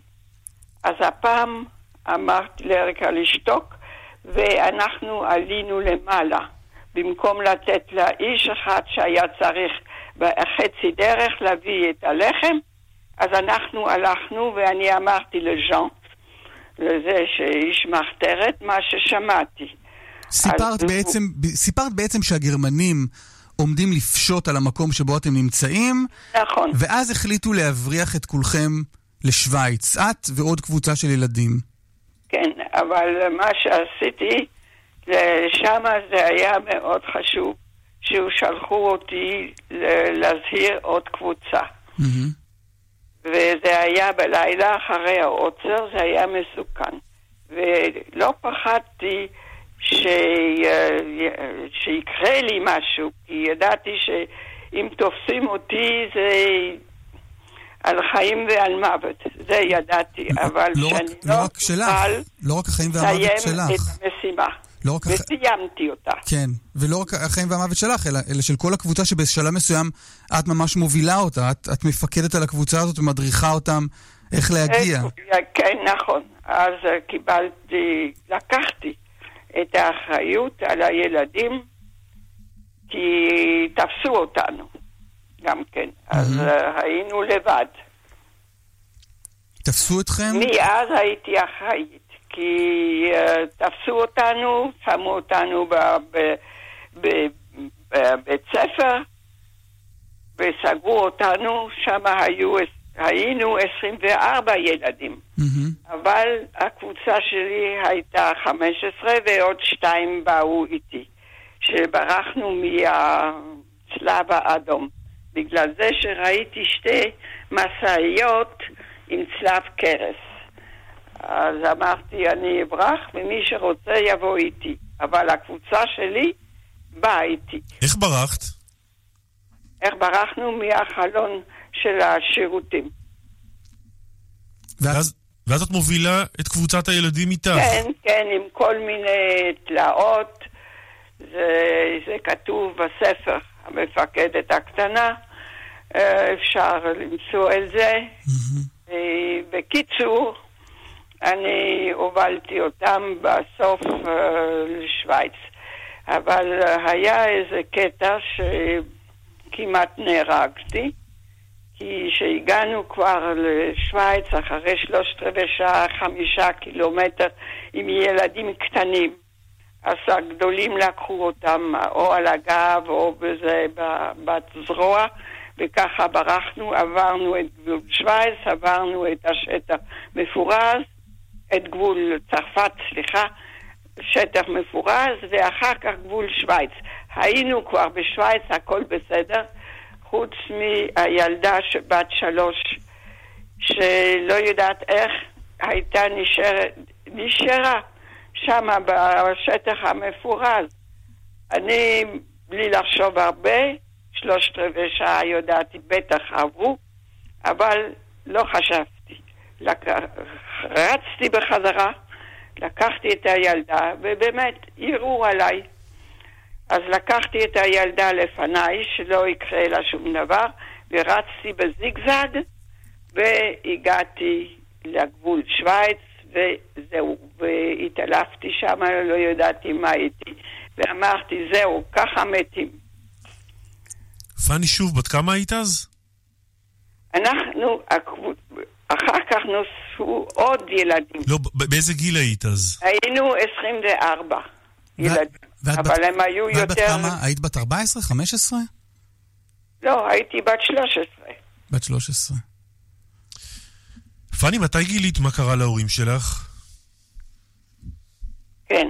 אני... השואה שלי. כי כל המסע הזה זה היה מרד מילדה. אה, המשך של ה... של משהו. העיקר על אה, שהגעתי לשוויצרים, אחרי מלחמה זרקו את כל הפליטים. היה להם מיליון פליטים וזרקו אותם, ואני ושתי אחיות. כשבאנו לדודה רוזה שהיא ניצלה, אז uh, קיבלנו פתקים מצלב האדום, ופתק אחד אני רואה שהנשמה של אימא יצאה מהערובה של אושוויץ, ושאבא עשה צעדים אחרונים ממיידנק, וזה היה בשנת 47. איך, איך הרגשת שקיבלת את הבשורה הזו? מה אני? כן, איך, איך הרגשת כשקראת את הפתקים האלה מהצלב האדום? כעסתי בטח, והייתי עצובה, וידעתי שאימא וכולם אמרו, אה, אבא ואימא יחזרו והכל יהיה כמו שפעם. וידעתי בדיוק שעכשיו שום דבר לא יהיה כמו שפעם. וחזרת לצרפת וקיבלת אזרחות כבוד, ואז... כן. אמ, לא, לא כבוד. רצו להעניק לך את אות לגיון הכבוד, ואת לא אני רצית... לא רציתי אותה. למה? אני לא רציתי. קיבלתי את האזרחות בגלל זה שהייתי בלי לאום, אבל זה לא רציתי, כי אמרתי, זה הצרפתים שאחראים שאין לי הורים. אני לא- אני לא רוצה לקבל מהם שום דבר. לא, לא. תאמין לי, כשבאתי לארץ ושקיבלתי את הדרכון הישראלי, אני נורא הייתי גאה, מאוד הייתי גאה, ואני נוסעת איתו בכל מקום, לא לוקחת שום אה, אה, דרכון אחר. אני גאה בו ולא רוצה דרכון אחר. והערב תדליקי משואה ביד ושם בירושלים בפתיחת האירועים של יום הזיכרון לשואה ולגבורה. מי היית שם היום בערב? יהיה הנכד שלי, אייל. הבן של הבן שלי. חמוד שלי. יפה ומרגש מאוד. פאני בן עמי, תודה רבה שדיברת איתנו. כן, תודה לכם. פאני בן עמי, תודה רבה. ביי. תשמע, צריך לנשום. כן. יש בשנים האחרונות יוזמה של... אני רק אגיד לך עוד, עוד מילה ש, שקצת הובלעה בשיחה הזאת עם פאני. היא סיפרה, היא למדה דברים על הסיפור ההיסטורי שלה, מהעבודת שורשים שהיא עשתה עם הנכדה שלה, שזה דבר מדהים, כי אתה מקבל איזה משימה בבית ספר, כשאתה ילד ב- בגיל 13 בדרך כלל עושים, נכון? את העבודות שורשים כן, האלה. ואז אתה יחד עם סבתא או סבא מגלה דברים משמעותיים על העבר, והיא ככה גילתה מי היה האיש שהלשין עליהם, על בית הילדים, כן, ויש- שגרם להם להתפזר יש ברחבי אירופה. צדדים אחרים, יש הרבה משפחות שבהם ההורים לא דיברו, ועבודות השורשים הנכדים נכון, אה, פתחו, את ה... פתחו את הדלת.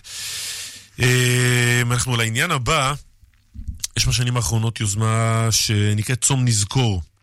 אה, רעיון לכונן יום צום ביום הזיכרון לשואה ולגבורה, מתוך חשש שבעוד 20-30 שנה, כשלא יהיו ניצולים, לא אה, יישאר הרבה מהיום הזה. היוזמים של הרעיון הזה מדברים על צום שאין בו שום דבר דתי. נדמה לי שהרב דוד סתיו, שלום לך. שלום, בוקר טוב. רב היישוב שוהם, יושב ראש ארגון רבני צוהר, אתה לוקח את זה למקום אחר, נכון?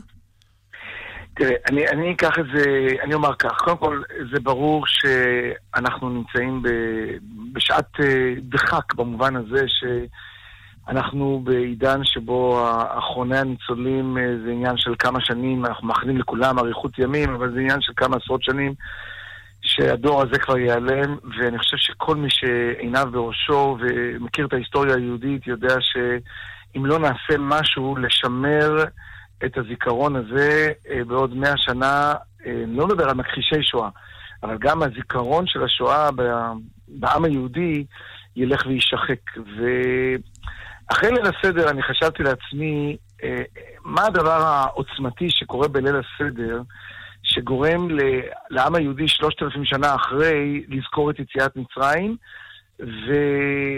ובהנחלת אה, תודעת השואה, 75 שנה אחרי, אנחנו לא מגיעים לאותו הישג.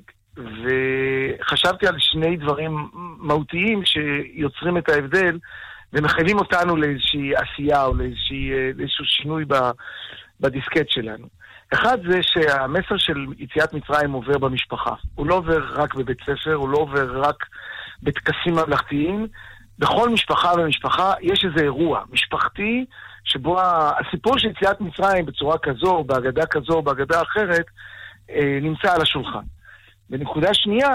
ואתה אומר, יום השואה לא מגיע פנימה לתוך המשפחה בעצם. אין, אין איזה שום טקס משפחתי שקשור ביום נכון. השואה. נכון, אין, אין משהו אבל- משפחתי. אבל, הצ- אבל הצפירה לצורך העניין, כש... זאת אומרת, זה גם, בבתי הספר, היא- זה גם בבתי הספר בבוקר, ולא מגיע ל... ולא תראה, מגיע הצפירה היא למשפחה. אירוע מדהים. הצפירה היא אירוע מדהים. אין לו אח ורע בעולם, ואני מלא התפעלות והתרגשות מזה. אבל אה, אל תשכח, אה, בל נשכח כולנו. לא, רק, רק, רק מאיר- מילה אחת על הצפירה. אני זוכר שאני הייתי בפולין, כשהתרסק המטוס של נשיא פולין ואיתו כל, ה, כל הקבינט, הפולני, ופעם ראשונה, מאז מלחמת העולם השנייה, השתמשו שם בצפירה. ואני זוכר שהייתה צפירה ברחבי פולין, אני זוכר שהייתי בדרכים, הפולנים לא ידעו מה לעשות עם הדבר הזה. הם לא הבינו מה זה הסאונד הזה שממלא את האוויר, ורבים לא עצרו, לא במחאה, פשוט לא ידעו מה זה. טוב, זה עניין של חינוך. אבל ניתן לך אולי דוגמה מה- מזווית הפוכה. אה, לא, רק כדי להתחבר לדבר הייחודי הזה שקורה פה אצלנו, כשיש צפירה וכולם עומדים. אין ספק. אני ראיתי כתבה ב- ש- בטלוויזיה האמריקאית שכתב אמריקאי היה בישראל ביום הזיכרון לשואה, והוא מצלם את הצפירה ואת אה, כביש, אה, את נתיבי איילון. והוא אומר, תראו איך העם היהודי מכבד את זכר הנופלים שלו, אין כזה דבר בעולם כולו. זה, זה נכון, אבל צריך לומר, ראשית כל, אה, העובדה שבמישור הציבורי אנחנו מכבדים את זה, ובל נשכח, היום הניצולים עוד חיים בתוכנו. שמענו עכשיו את הסיפור של הניצולה, וכאלה יש עוד ברוך השם עשרות אלפים. אבל, אבל בואו נחשוב על מה יהיה בעוד 50 שנה, מה יהיה בעוד, שיש, בעוד 60 שנה, כשהם לא יהיו ולא יהיו נקיפות מצפון, אה, ואנשים יגידו, אוקיי, היה זה, אבל גם היו עוד שעות והיו דברים אחרים. אז זה הרב סתיו, זה- אנחנו- זה הרקע. לאן אבל אתה רוצה לקחת את זה? או, לאן אני רוצה לקחת את זה? אני רוצה... אפשרות אחת היא כמובן הנושא של צום. שיש קבוצת אנשים, שאני מאוד מבין אותה, שרוצה לקחת את זה למקום של צום. אני, הסקפטיות שלי לא בגלל שהדבר לא נכון, הוא נכון מאוד, אני מתקשה לראות את הציבור שגם ככה לא כל כך אוהב צומות, אני מתקשה לראות אותו עומד במשימה הזאת. ולכן המודל שאני רוצה לקחת לנגד עיניי הוא דווקא מחג הפסח, מליל הסדר. אמרתי את הנושא המשפחתי, אבל יש בליל הסדר משהו נוסף. בשעה שמצה ומרור מונחים לפניך, צריך לעשות איזשהו טקס, אה, אני לא רוצה לקרוא לו טקס דתי, אבל צריך לראות איזה משהו, אם בליל הסדר אנחנו אוכלים מצה, אז הייתי רוצה שכל אחד אה, יראה איזה מספר אה, חרוט על הזרוע, כמו שהיה באושוויץ, או כתונת פסים של העובדים במחנות, שיהיה איזה משהו שביחד, הרבנות הראשית, ממשלת ישראל, יתכנסו ויחשבו איך אנחנו יוצרים איזשהו טקס שמזכיר שכל אחד ואחד מאיתנו צריך להרגיש, בכל דור ודור חייב אדם לראות את עצמו כאילו הוא היה באושוויץ. לא, אבל אה, אם זה לא אה, טקס דתי, אני, אני שואל רגע, הפורמליסטיקה פה היא חשובה, כי, כי לדתיים יש את הדת. אתה מדבר על כלל הציבור הישראלי, דתיים וחילונים כאחד, אז הרבנות באמת לא שייכת כאן, ואתה שואל את עצמך, הסמכות או האחריות או, או הלגיטימציה של מי לבוא ו... ולהרים דבר כזה שאמור לשנות פה את תפיסת הזיכרון של הציבור הישראלי, או העם היהודי בכלל, בנוגע תראה, אני אתן לך דוגמה, אני לשואה. אתן לך דוגמה מיום, העצ... מיום העצמאות ויום הזיכרון. ביום העצמאות, העובדה שהמדינה הכריזה שבתון, גורמת להמון המון תוצאות לוואי. אה, המדינה, ולכן אני חושב שצריך להיות משהו שהוא משולב, אה, בעל, לא בעל סממנים דתיים, אבל בעל מש, משמעות שכל אדם שיש לו רגש יהודי חם, וזה לא משנה כמה דתי הוא, ירגיש שהוא רוצה להתכתב עם הנושא הזה. אז למשל, אם אה, מדינת ישראל הייתה אומרת, אנחנו בערב הזה מחלקים, מדליקים נר נשמה. נר נשמה זה משהו שאני מזכיר לכולנו את אה, ילדי הנרות ואת עצרת לזיכרון, עם הירצחו של יצחק רבין, אה, לא צריך להיות אה, דתי אה, או חרדי כדי להדליק נר נשמה. אז אם היינו אומרים, לא, לא, לא רוצה להגיד את המילה בחקיקה, כי אנחנו לא מחוקקים אה, חוק כזה, אבל, אבל אולי כן, צריך לחשוב על, על, על, על טקס שבו כל בית יהודי מדליק שש נרות נשמה. אם ייכנס אה, יום הזיכרון אה, לשואה ולגבורה. נת- אם היינו מנחילים את זה במערכת החינוך, ובהחלטת הרבנות הראשית, כדי שיהיה לזה גם מימד דתי, אבל בהחלטת ממשלת ישראל, כדי שיהיה לזה גם מימד ציבורי. מצידי, סופרים ואנשי רוח, דתיים ולא דתיים, מתכנסים ביחד ואומרים, מה אנחנו מקבלים על עצמנו כדי להנכיח ולהנציח את העניין הזה תראה, נרות חנוכה מאירים לדורות רבים, זה לא, זה לא מצווה מהתורה. חכמים באו ואמרו, כל כך חשוב לנו להנכיח את זה, אז הם הנכיחו את זה, והיום אין בית כמעט שלא רוצה לחגוג את, נרות, את אה, חנוכה ולסמל אותו בנרות. מה יותר מתאים מאשר אם ניקח את יום הזיכרון לשואה ולגבורה, ונעצב אותו באיזשהו אופן שכן, תהיה לו איזו משמעות טקסית, אבל משפחתית. אסף פתח, משמעותית. אה, הרב סתיו, אסף פתח את, ה, את השאלה הזו אליך באמירה של הדתיים יש את הדת. נדמה לי שבמקרה הזה, זהו שאין. כלומר, הממסד הדתי לא עשה עם השואה כלום בעניין הזה. ממש כלום. אין תפילה אני אספר מיוחדת, לכם כלום. סיפור. יש סיפור מדהים על הרב כהנמן, שבימי ספירת העומר אמר את הטקסט הבא, שפשוט דבר מזעזע ומדהים.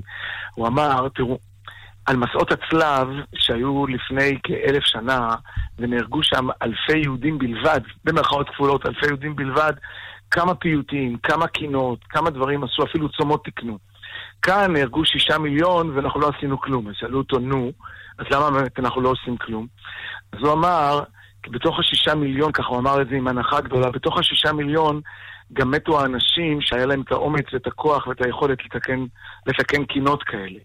דומה שבסיפור הזה אה, מקופלת הטרגדיה שלנו. העולם הרבני באמת עומד מול השואה.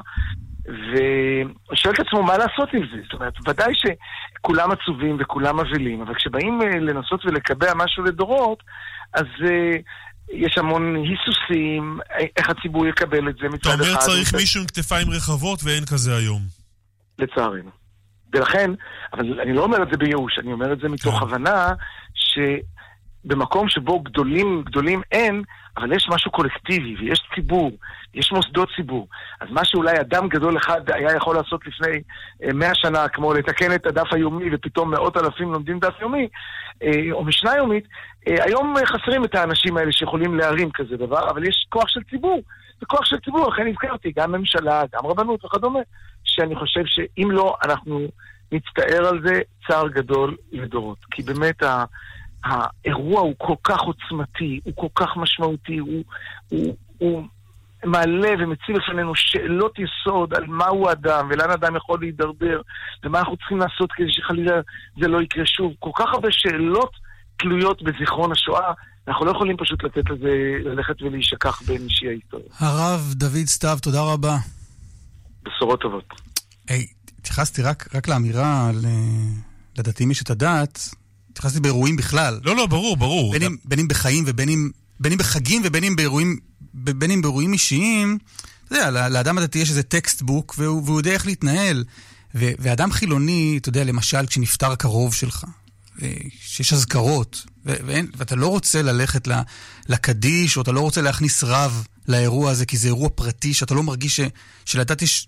אז, אז המון משפחות עושות, אה, מלקטות מה שהן מאמינות בו, משפחות חילוניות, ב, במעמד הזה, או בחגים, או במקומות אחרים. וכאן, כמו שאתה אומר, גם, גם הדת לא כאילו מצאה לזה פתרון לעניין השואה. כן, ואחת הבעיות כאן, אה, ש...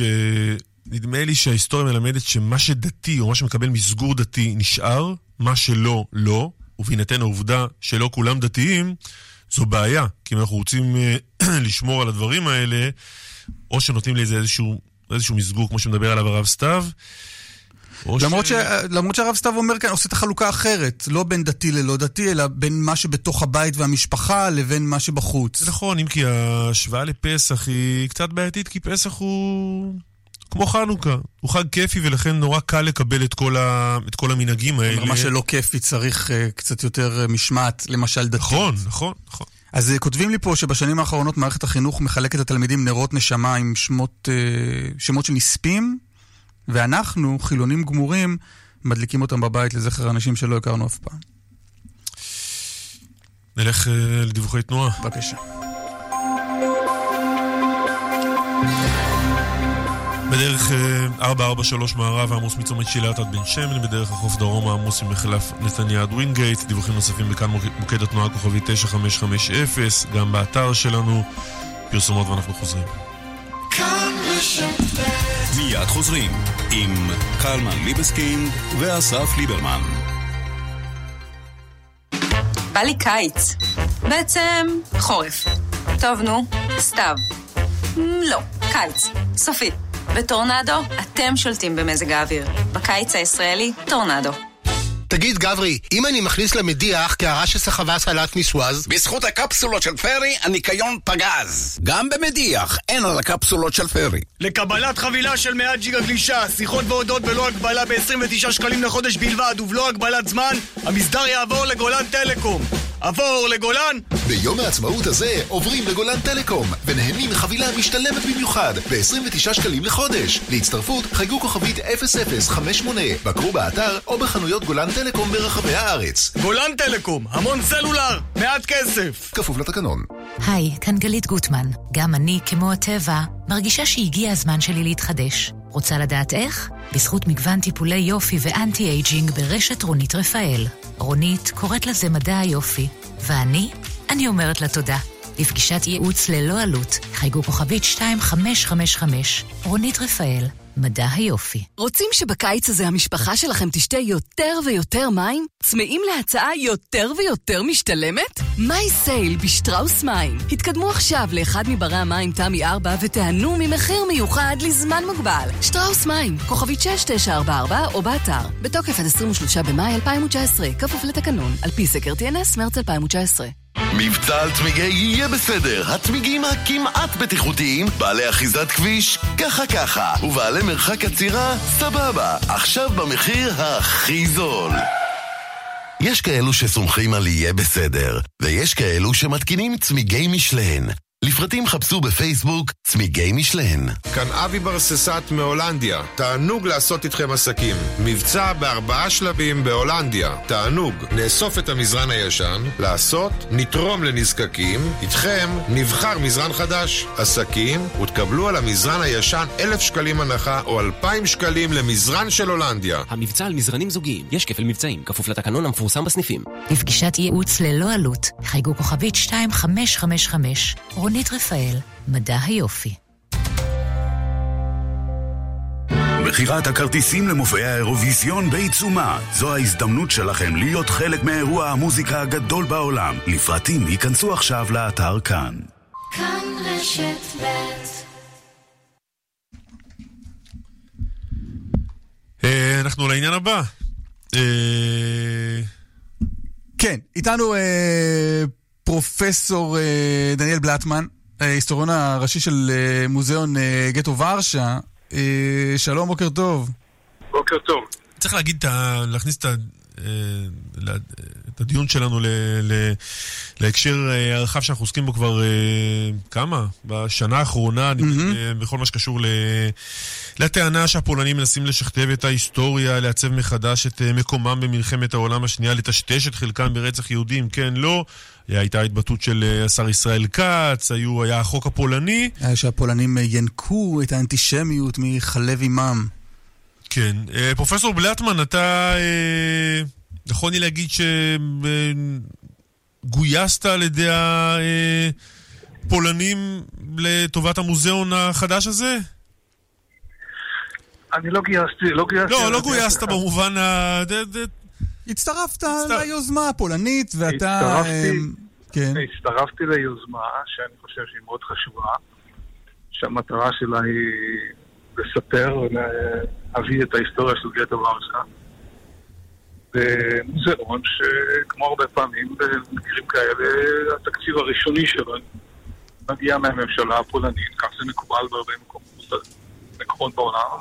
מדינות יוזמות מוזיאונים היסטוריים. מה אתה עושה שם? התפקיד שלי הוא לעמוד בראש ועדה של היסטוריונים, שיש בה גם היסטוריונים, דרך אגב, לא פולנים, גם אמריקאים, אפילו היסטוריון ישראלי נוסף. אה, ולעצב בעצם את התערוכה ההיסטורית, את התצוגה, את הנושאים, את החלוקה של הנושאים, את הפיתוח של השיח המוזיאלי, אה, בהתבסס על איזושהי תפיסה היסטורית מסוימת שאנחנו רוצים להביא לציבור. את תולדות יהודי גטו ורשה בקונטקסט מסוים של ההיסטוריה של פולין הכבושה ושל יהודי פולין בתקופת השואה. אז בוא, כדי, פרופסור בלטמן, כדי לעשות את כל הסיפור המסובך הזה יותר ממוקד, בוא תן לנו את עמדתך ביחס למה שהגדרתי בשורת הפתיחה של השיחה הזו, אותו, אותו ויכוח על מקומה של פולין. מקומה של פולין ברצח היהודים, אני מתכוון, זאת השאלה, זאת השאלה שאתה אה, אה, העלית או בכיוון הזה. תראה, אה, אה, פולין הייתה מדינה כבושה, שאולי אה, הייתה הקורבן, ה, אה, כן, מבין המדינות הכבושות האחרות, אולי הייתה הקורבן העיקרי של הטרור הנאצי בתקופת מלחמת העולם השנייה. כך שאנחנו צריכים להבין את העמדה של הפולין בתוך דבר ראשון המציאות הזאת, שאנחנו מדברים על חברה שרוסקה לחלוטין על ידי הכיבוש הנאצי, שהאינטליגנציה שלה הושמדה, שלמעלה ממיליון מהאזרחיה גורשו לעבודות כפייה, ולמעלה משלושה מיליון פולנים אתניים נרצחו על ידי הגרמנים בתקופת המלחמה.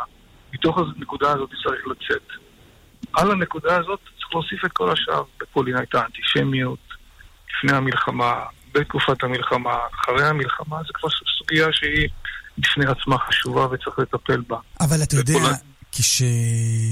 כשיש... אה, בממשל הפולני, כששר התרבות הפולני אומר שהמוזיאון החדש אמור להדגיש את האחווה בין היהודים לפולנים, שמדגישים את, את הקורבנות הפולנית, כאילו הקורבנות היהודית בשואה היא לא הדבר המובהק והברור הרבה יותר, אתה לא מרגיש איזשהו חלק, איזו שותפות לשכתוב הנרטיב ההיסטורי?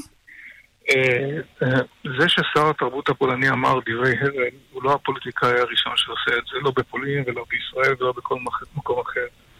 אם אנחנו כהיסטוריונים שעוסקים בשואה היינו צריכים לנווט את דרכנו בחקר האירוע הזה רק על סמך כל מיני מניפולציות מטופשות של פוליטיקאים, לא היינו עושים שום דבר. אבל אלה פוליטיקאים. רגע, אבל אלה פוליטיקאים שמובילים את הקמת המוזיאון, שאתה... לא, לא, הפוליטיקאים לא מובילים את מקומת המוזיאון. ברגע שפוליטיקאי יהיה מעורב בניווט העיצוב של המוזיאון, אז אני ואחרים לא נהיה שם. לא, מדינת... הפוליטיקאים... לא. רגע, רגע, רגע. מדינת... רגע, פרופסור בלטמן, מדינת פולין היא שמקימה את המוזיאון. מדינת פולין מובלת על ידי פוליטיקאים, כלומר שר התרבות בהחלט יש לו חלק בעובדה, בעובדה שהולכים להקים מוזיאון כזה בפולין. אתה יוצא מתוך נקודת הנחה שמכיוון ששר מסוים העומד בראש משרד, שר התרבות במקרה הזה, העומד בראש משרד שנותן כסף ויש לו תפיסת עולם כי הוא פוליטיקאי ששייך למחנה מסוים, מטבע הדברים גם יושב בוועדות ומחליט מה יש שם. לא, לא, זה לא... זה בעצם שתקבע, כמו שתקבע ששר החינוך, במקרה הישראלי, כמי שאחראי על יישום חוק יד ושם, יושב בוועדות של יד ושם, לא, פרופסור, אתה נכנס פה, רגע, לא, רק כדי להבהיר, אתה נכנס פה מאוד, למיק, מאוד למיקרו, כהיסטוריון, אני מסתכל, מבקש ממך להסתכל רגע במקרו, במבט היסטורי. במבט היסטורי, מתישהו במאה ה-21, ממשלת פולין החליטה להקים מוזיאון, שיהיו שאומרו, קצת מנסה להזיז את הנרטיב של השואה לכיוון מסוים מבחינת הפולנים, ופרופסור דניאל בלט, בלטמן היה חלק מהקמת המוזיאון. אני אה, לא אה, בודק מה הנרטיב הפולני.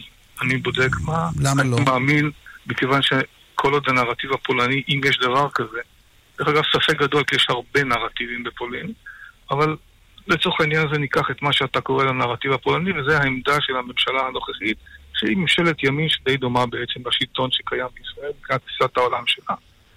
אתה קובע שבעצם הם יכתיבו מה יהיה במוזיאון. אה, אני כרגע אה, טוען שאני לא מרגיש את זה, אני לא רואה את זה, זה לא קיים, אם זה יהיה, אני לא אהיה שם. מה שכרגע קיים זה ניסיון שלי ושל אחרים לעצב תפיסת, תפיסה היסטורית מסוימת למוזיאון הזה, שיכול להיות שבישראל יאהבו אותו או לא יאהבו אותו, זה כבר עניין אחר. לא, אבל אמרת, פרופסור בלטמן, יש גם בפולין נרטיבים שונים. אחת הטענות נגדך היא שהגיוס שלך, וכאן אני כן חוזר ומשתמש במילה הזו, היה נוח לפולנים להביא אותך כדי לתת גושפנקה לצד שתוקף את אותם אה, היסטוריונים פולנים שיש להם נרטיב שלא נוח לממשל הפולני. אה, מה היה השיקול של אה, מנהל המוזיאון שגייס אותי, אני לא יודע. זה לא מעניין אותך כן אבל? מה השיקול של מנהל המוזיאון? אני דיברתי איתו והגענו להבנה. האם הוא קיבל הנחיה מסוימת מאיזשהו שר פוליטיקאי פולני? אין לי מושג. לא, אני חושב שזה... מה שאני כן לא, יודע... לא, רק שנייה, פרופסור כן בלטמן, היסטוריונים, שנייה, אתה היסטוריון חשוב, יש היסטוריונים חשובים, אני מניח, נוספים בכל העולם. המחשבה הזו שמישהו היה לו חשוב להביא אותך, הישראלי, היהודי, לשם, כדי שיגיד את מה שאתה אומר ואתה מאמין במה שאתה אומר. זה לא שאתה עושה שקר בנפשך, אבל עדיין היה חשוב... זה לא מעניין שאתה- אותך? אני חושב שאולי אתה לא מודע לכך שהממשלה הפולנית, כולל השר, שר התרבות במקרה הזה, הותקפה בצורה קיצונית על ידי גורמים ימין, גורמי ימין קיצוניים, שיושבים בסיים הפולני, בפרלמנט הפולני, על זה שהם בעצם מביאים יהודים שהקימו מוזיאון עבור העם הפולני. אתה מודע לזה שחוקרים יהודים לפניך סירבו לקחת חלק בסיפור הזה? אני מודע לזה שיש, אה, אני מכיר אחת, אחת אולי, כן, שסירבה לעשות את זה. יש דרך אגב שני חוקרים יהודים אחרים מארצות הברית שכן משתתפים בפרויקט הזה. כך שיש פה ויכוח. זה לא חד משמעי כל ההנחה המסוימת הזאת שאתה מניח. פרופסור דניאל בלטמן, תודה רבה. תודה. תודה, כל טוב. מי שיהיה ההיסטוריון הראשי של מוזיאון גטו ורשה, הוא נמצא בהקמה, הוא אמור להיפתח ב-2023, כשיציינו בעולם, וגם כאן, 80 שנה למרד גטו ורשה. פרופסור חבי דרייפוס, שלום. שלום, בוקר טוב. ראש המרכז לחקר שואת יהודי פולין במכון לחקר השואה של יד ושם. אה, הוא התכוון אלייך אגב? הוא אמר, אני... אני משערת שהוא מתכוון אליי. כשהוא אמר, אני מכיר אחת שסירבה לקחת חלק אה, בצוות ההיגוי הזה של המוזיאון. מה מה הוצע לך? אה, נפגשו איתי בקיץ שנה שעברה, ושאלו אם אני מוכנה לסייע ולהתגייס למוזיאון, ואני שאלתי שאלה אחת. יש היום בפולין חוקרים מאוד מאוד רציניים שמכירים היטב את ורשה ואת גטו ורשה. ושאלתי האם החוקרים הללו, שמעבר להכיר את ורשה ואת גטו ורשה, גם עוסקים לא מעט בסוגיות של יחסי יהודים פולנים, ומתארים את האופן שבו החברה הפולנית על חלקי השונים הייתה שותפה בצורה כזו או אחרת באסונם של היהודים, האם גם החוקרים הללו הם חלק מהמוזיאון או לא. כשהובהר לי שלא, אז גם אני אמרתי שאני לא יכולה לקחת בכך חלק, ודרך אגב, אני לא היחידה, יש עוד היסטוריונים, גם בארץ וגם בעולם, שאליהם פנה המוזיאון וביקש מהם עזרה, והם סירבו לקחת חלק. אבל תסבירי לה- כולם- למה למה הייתה חשובה לך הנקודה הזו, האם הזמינו גם אותם, את אותם אה, היסטוריונים פולנים, כן או לא? כי ממשלת פולין כיום נמצאת במאמץ מתמיד של עיוות ההיסטוריה מחד ושל רדיפת חוקרים שעוסקים בהיבטים שמבחינתם הם בעייתיים מאידך. ואני אסביר, מה שמטעה ממשלת פולין כרגע זה שהיא מאוד מעוניינת בחקר השואה והיא מאוד מעוניינת בזיכרון השואה, אבל באספקט מאוד מסוים שלה. זאת אומרת, באותם אספקטים שבהם הגרמנים רצחו את היהודים. ולכן כל כך חשוב להם לדבר על אושוויץ ולדבר על דברים אחרים, אבל במקרים שבהם יהודים סבלו בגלל מעורבות פולנית כזו או אחרת בתקופת השואה, אלה נושאים שהם א', לא מעוניינים לחקור, וב', פוגעים באופן ממשי בחוקרים. עכשיו, היה ברור לכולנו, לכל מי שהמוזיאון פנה אליו, שיש פה ניסיון לקבל אישור יהודי ובינלאומי לנרטיב היסטורי מוטעה. וגם לחזק את המאבק של השלטון הפולני הזה באותם חוקרים שלא נהנים לתכתיבים שלו. אבל אומר, אבל אומר פרופסור. בלטמן, אני לא, מש... לא, זה לא מעניין אותי מה זה משרת אותי, יש לי את האמת שלי, ואותן, ואני, לא- אחד לא מכתיב לי מה להגיד.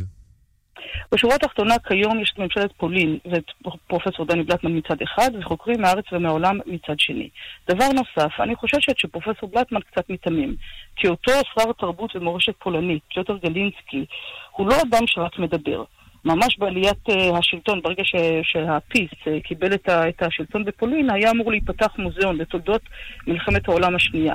והמוזיאון הזה לא מצא חן, הנרטיב שלו לא מצא חן בעיני הממשל. ואותו גלינסקי הוא מי שהיה אחראי על שינוי אותם נרטיבים. זאת ועוד, צריך לזכור שהיום בוורשה עצמה יש כמה וכמה מוסדות מאוד חשובים שעוסקים בשואה. יש את המוזיאון פולין, יש את הז'יך, יש עוד ועוד מוסדות. לא, אבל בסדר, להם... אבל פרופסור דרייפוס, בסופו של דבר, ב-2023 יעמוד מוזיאון בפולין, והוא כנראה יהיה אה, גדול ואולי גם אה, חשוב ויוקרתי. לא כדאי שיהיו שם חוקרים רציניים ש, ש, שידאגו שהנרטיב ההיסטורי לא מעוות?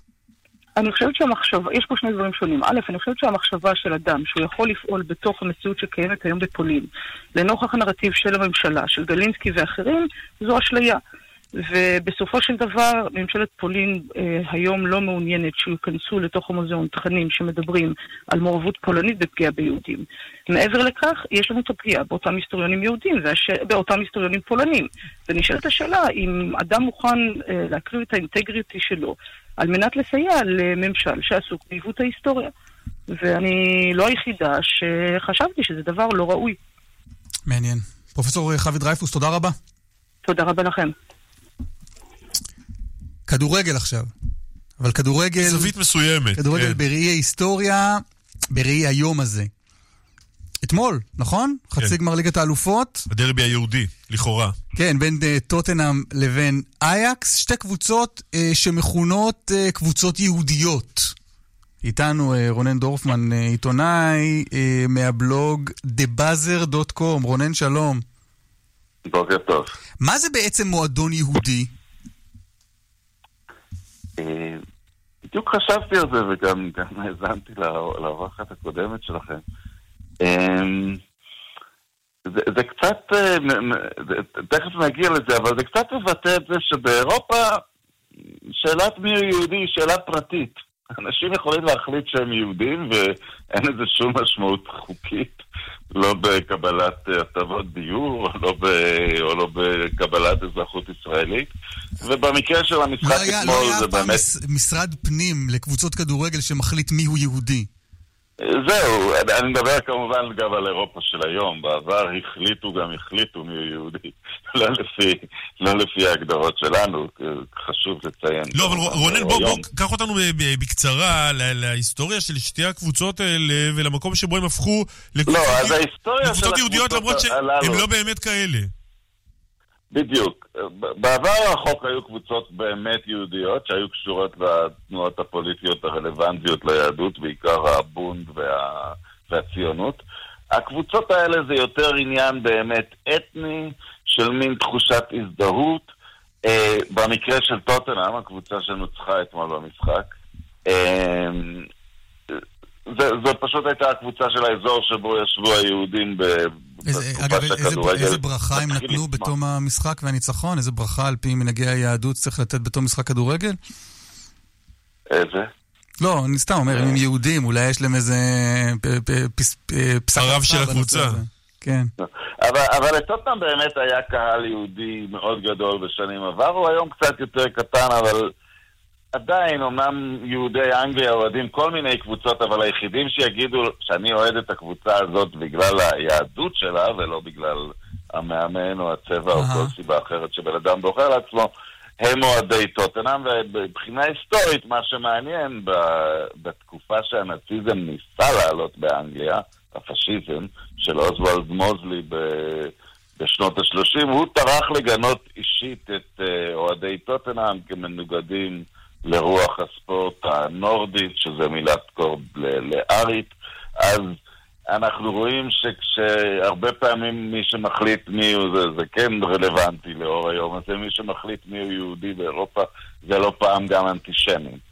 אה, בצד של איה... לא, אבל, אבל בצד של טוטנאם רק נגיד, כל הסיפור של המועדון היהודי פשוט, אה, פשוט התחיל מהעובדה שהם היו ממוקמים באזור יהודי. כן, זה אוהדים יהודים. למועדון עצמו אה, לא היו שחקנים או מאמנים יהודים חשובים, רוני כן. רוזנטל שיחק שם כמה ימים.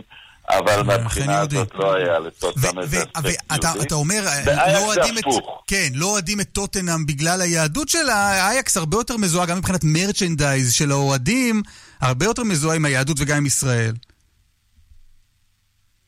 נכון, אבל זה קצת בגלל שבאייקס היא יותר התרסה. בטוטנאם זה פשוט קם יהודי בסוף שבוע, רוצה לראות משחק כדורגל, הוא חי בלונדון באזור, מי הקבוצה, טוטנאם, וככה הגיעו האוהדים לשם. באייקס, אייקס עצמה היא קצת התרסה נגד שאר הולנד, שהיא מדינה מאוד קלוויניסטית פוריטנית, והולנד ואמסטרדם היא כמובן ההפך המוחלט שלה. אז חלק מההפך המוחלט שלה, שהחוליגנים של אייקס החליטו שהם יהודים. יש חוקרים גנטיים שטוענים שכרבע מאמסטרדם עם איזשהו דם יהודי, אבל אני חושב שזה נכון להרבה ערים באירופה. קשר ליהדות אה, אתני של הקהל אין, הם קוראים לעצמם סופר יודן, הם מעופפים. מגיני דוד, בדיוק לא ההתנהגות שיהודי אמיתי יעשה באירופה. לא, אבל, אבל רונן, זה, זה הולך, קודם כל, אנחנו שמענו ביציעים שירת הווה נגילה מצד אחד, ומצד שני, נכון שהקבוצה היא לא יהודית, אבל זה הספיק ליריבות שלה להיות אנטישמיות כדי להיות נגדה. נכון, האנטישמים, האנטישמים מסמנים לא מעט קבוצות באירופה כיהודיות, את רומא באיטליה, את קרקוביה ופולין. את סלאביה פראג, אבל אנחנו אם מדברים על קצת מהות של הזדהות האוהדים, אז, אז בטוטנאם זה באמת לפחות בעבר, והיום קצת פחות, אבל עדיין בולט, זה יהודים אמיתיים שזו פשוט הקבוצה שלהם.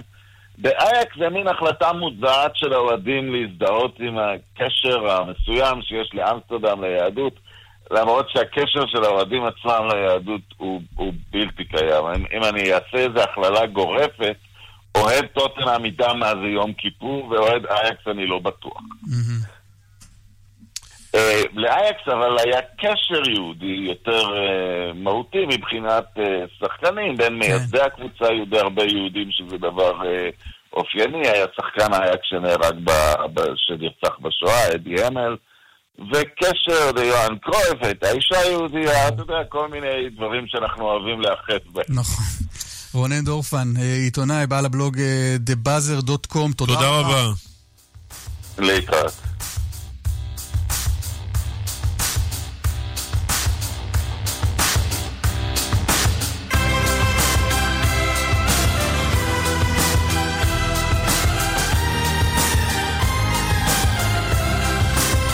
אנחנו מסיימים את תוכניתנו לבוקר זה. יש שלב התודות. נכון. איתמר דרוקמן ערך, אלה יגנה ונדב רוזנצוויג הפיקו, גלית אמירה הייתה על הביצוע הטכני, אני לוי הייתה על הדיגיטל, קלמן ליבסקין תודה רבה. אסף ליברמן להתראות.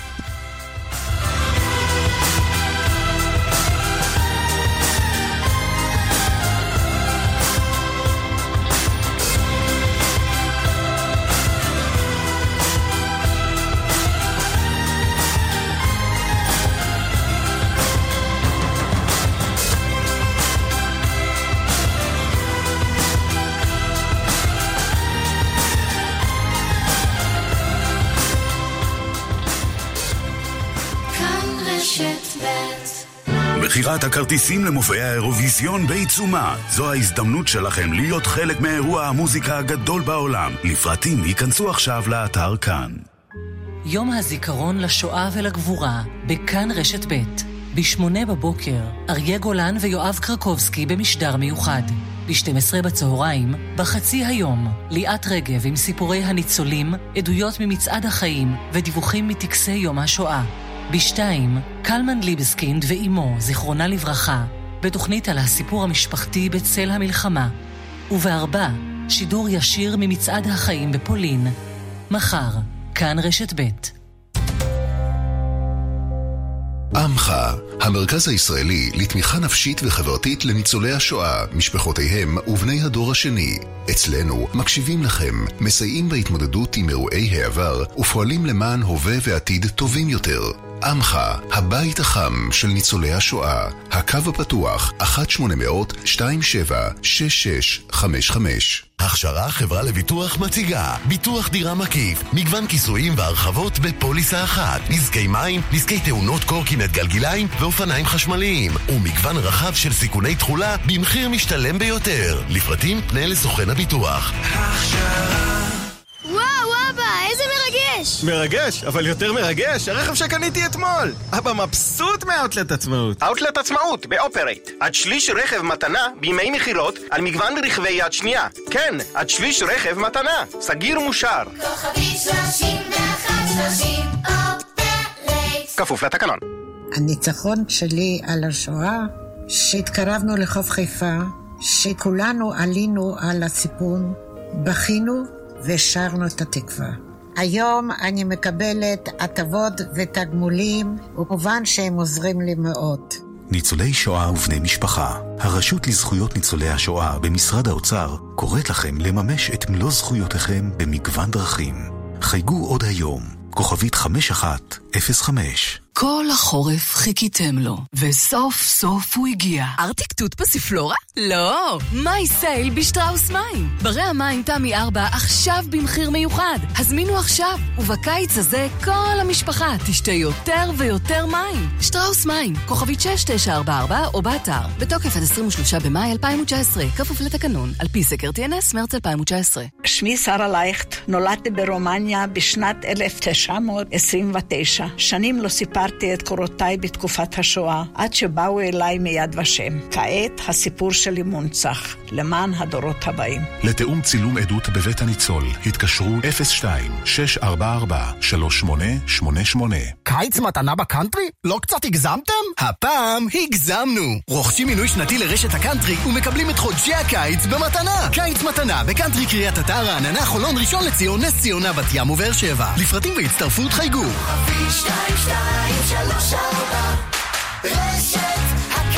כפוף לתקנון. קרן נויבך, כאן, אחרי החדשות. כאן רשת ב'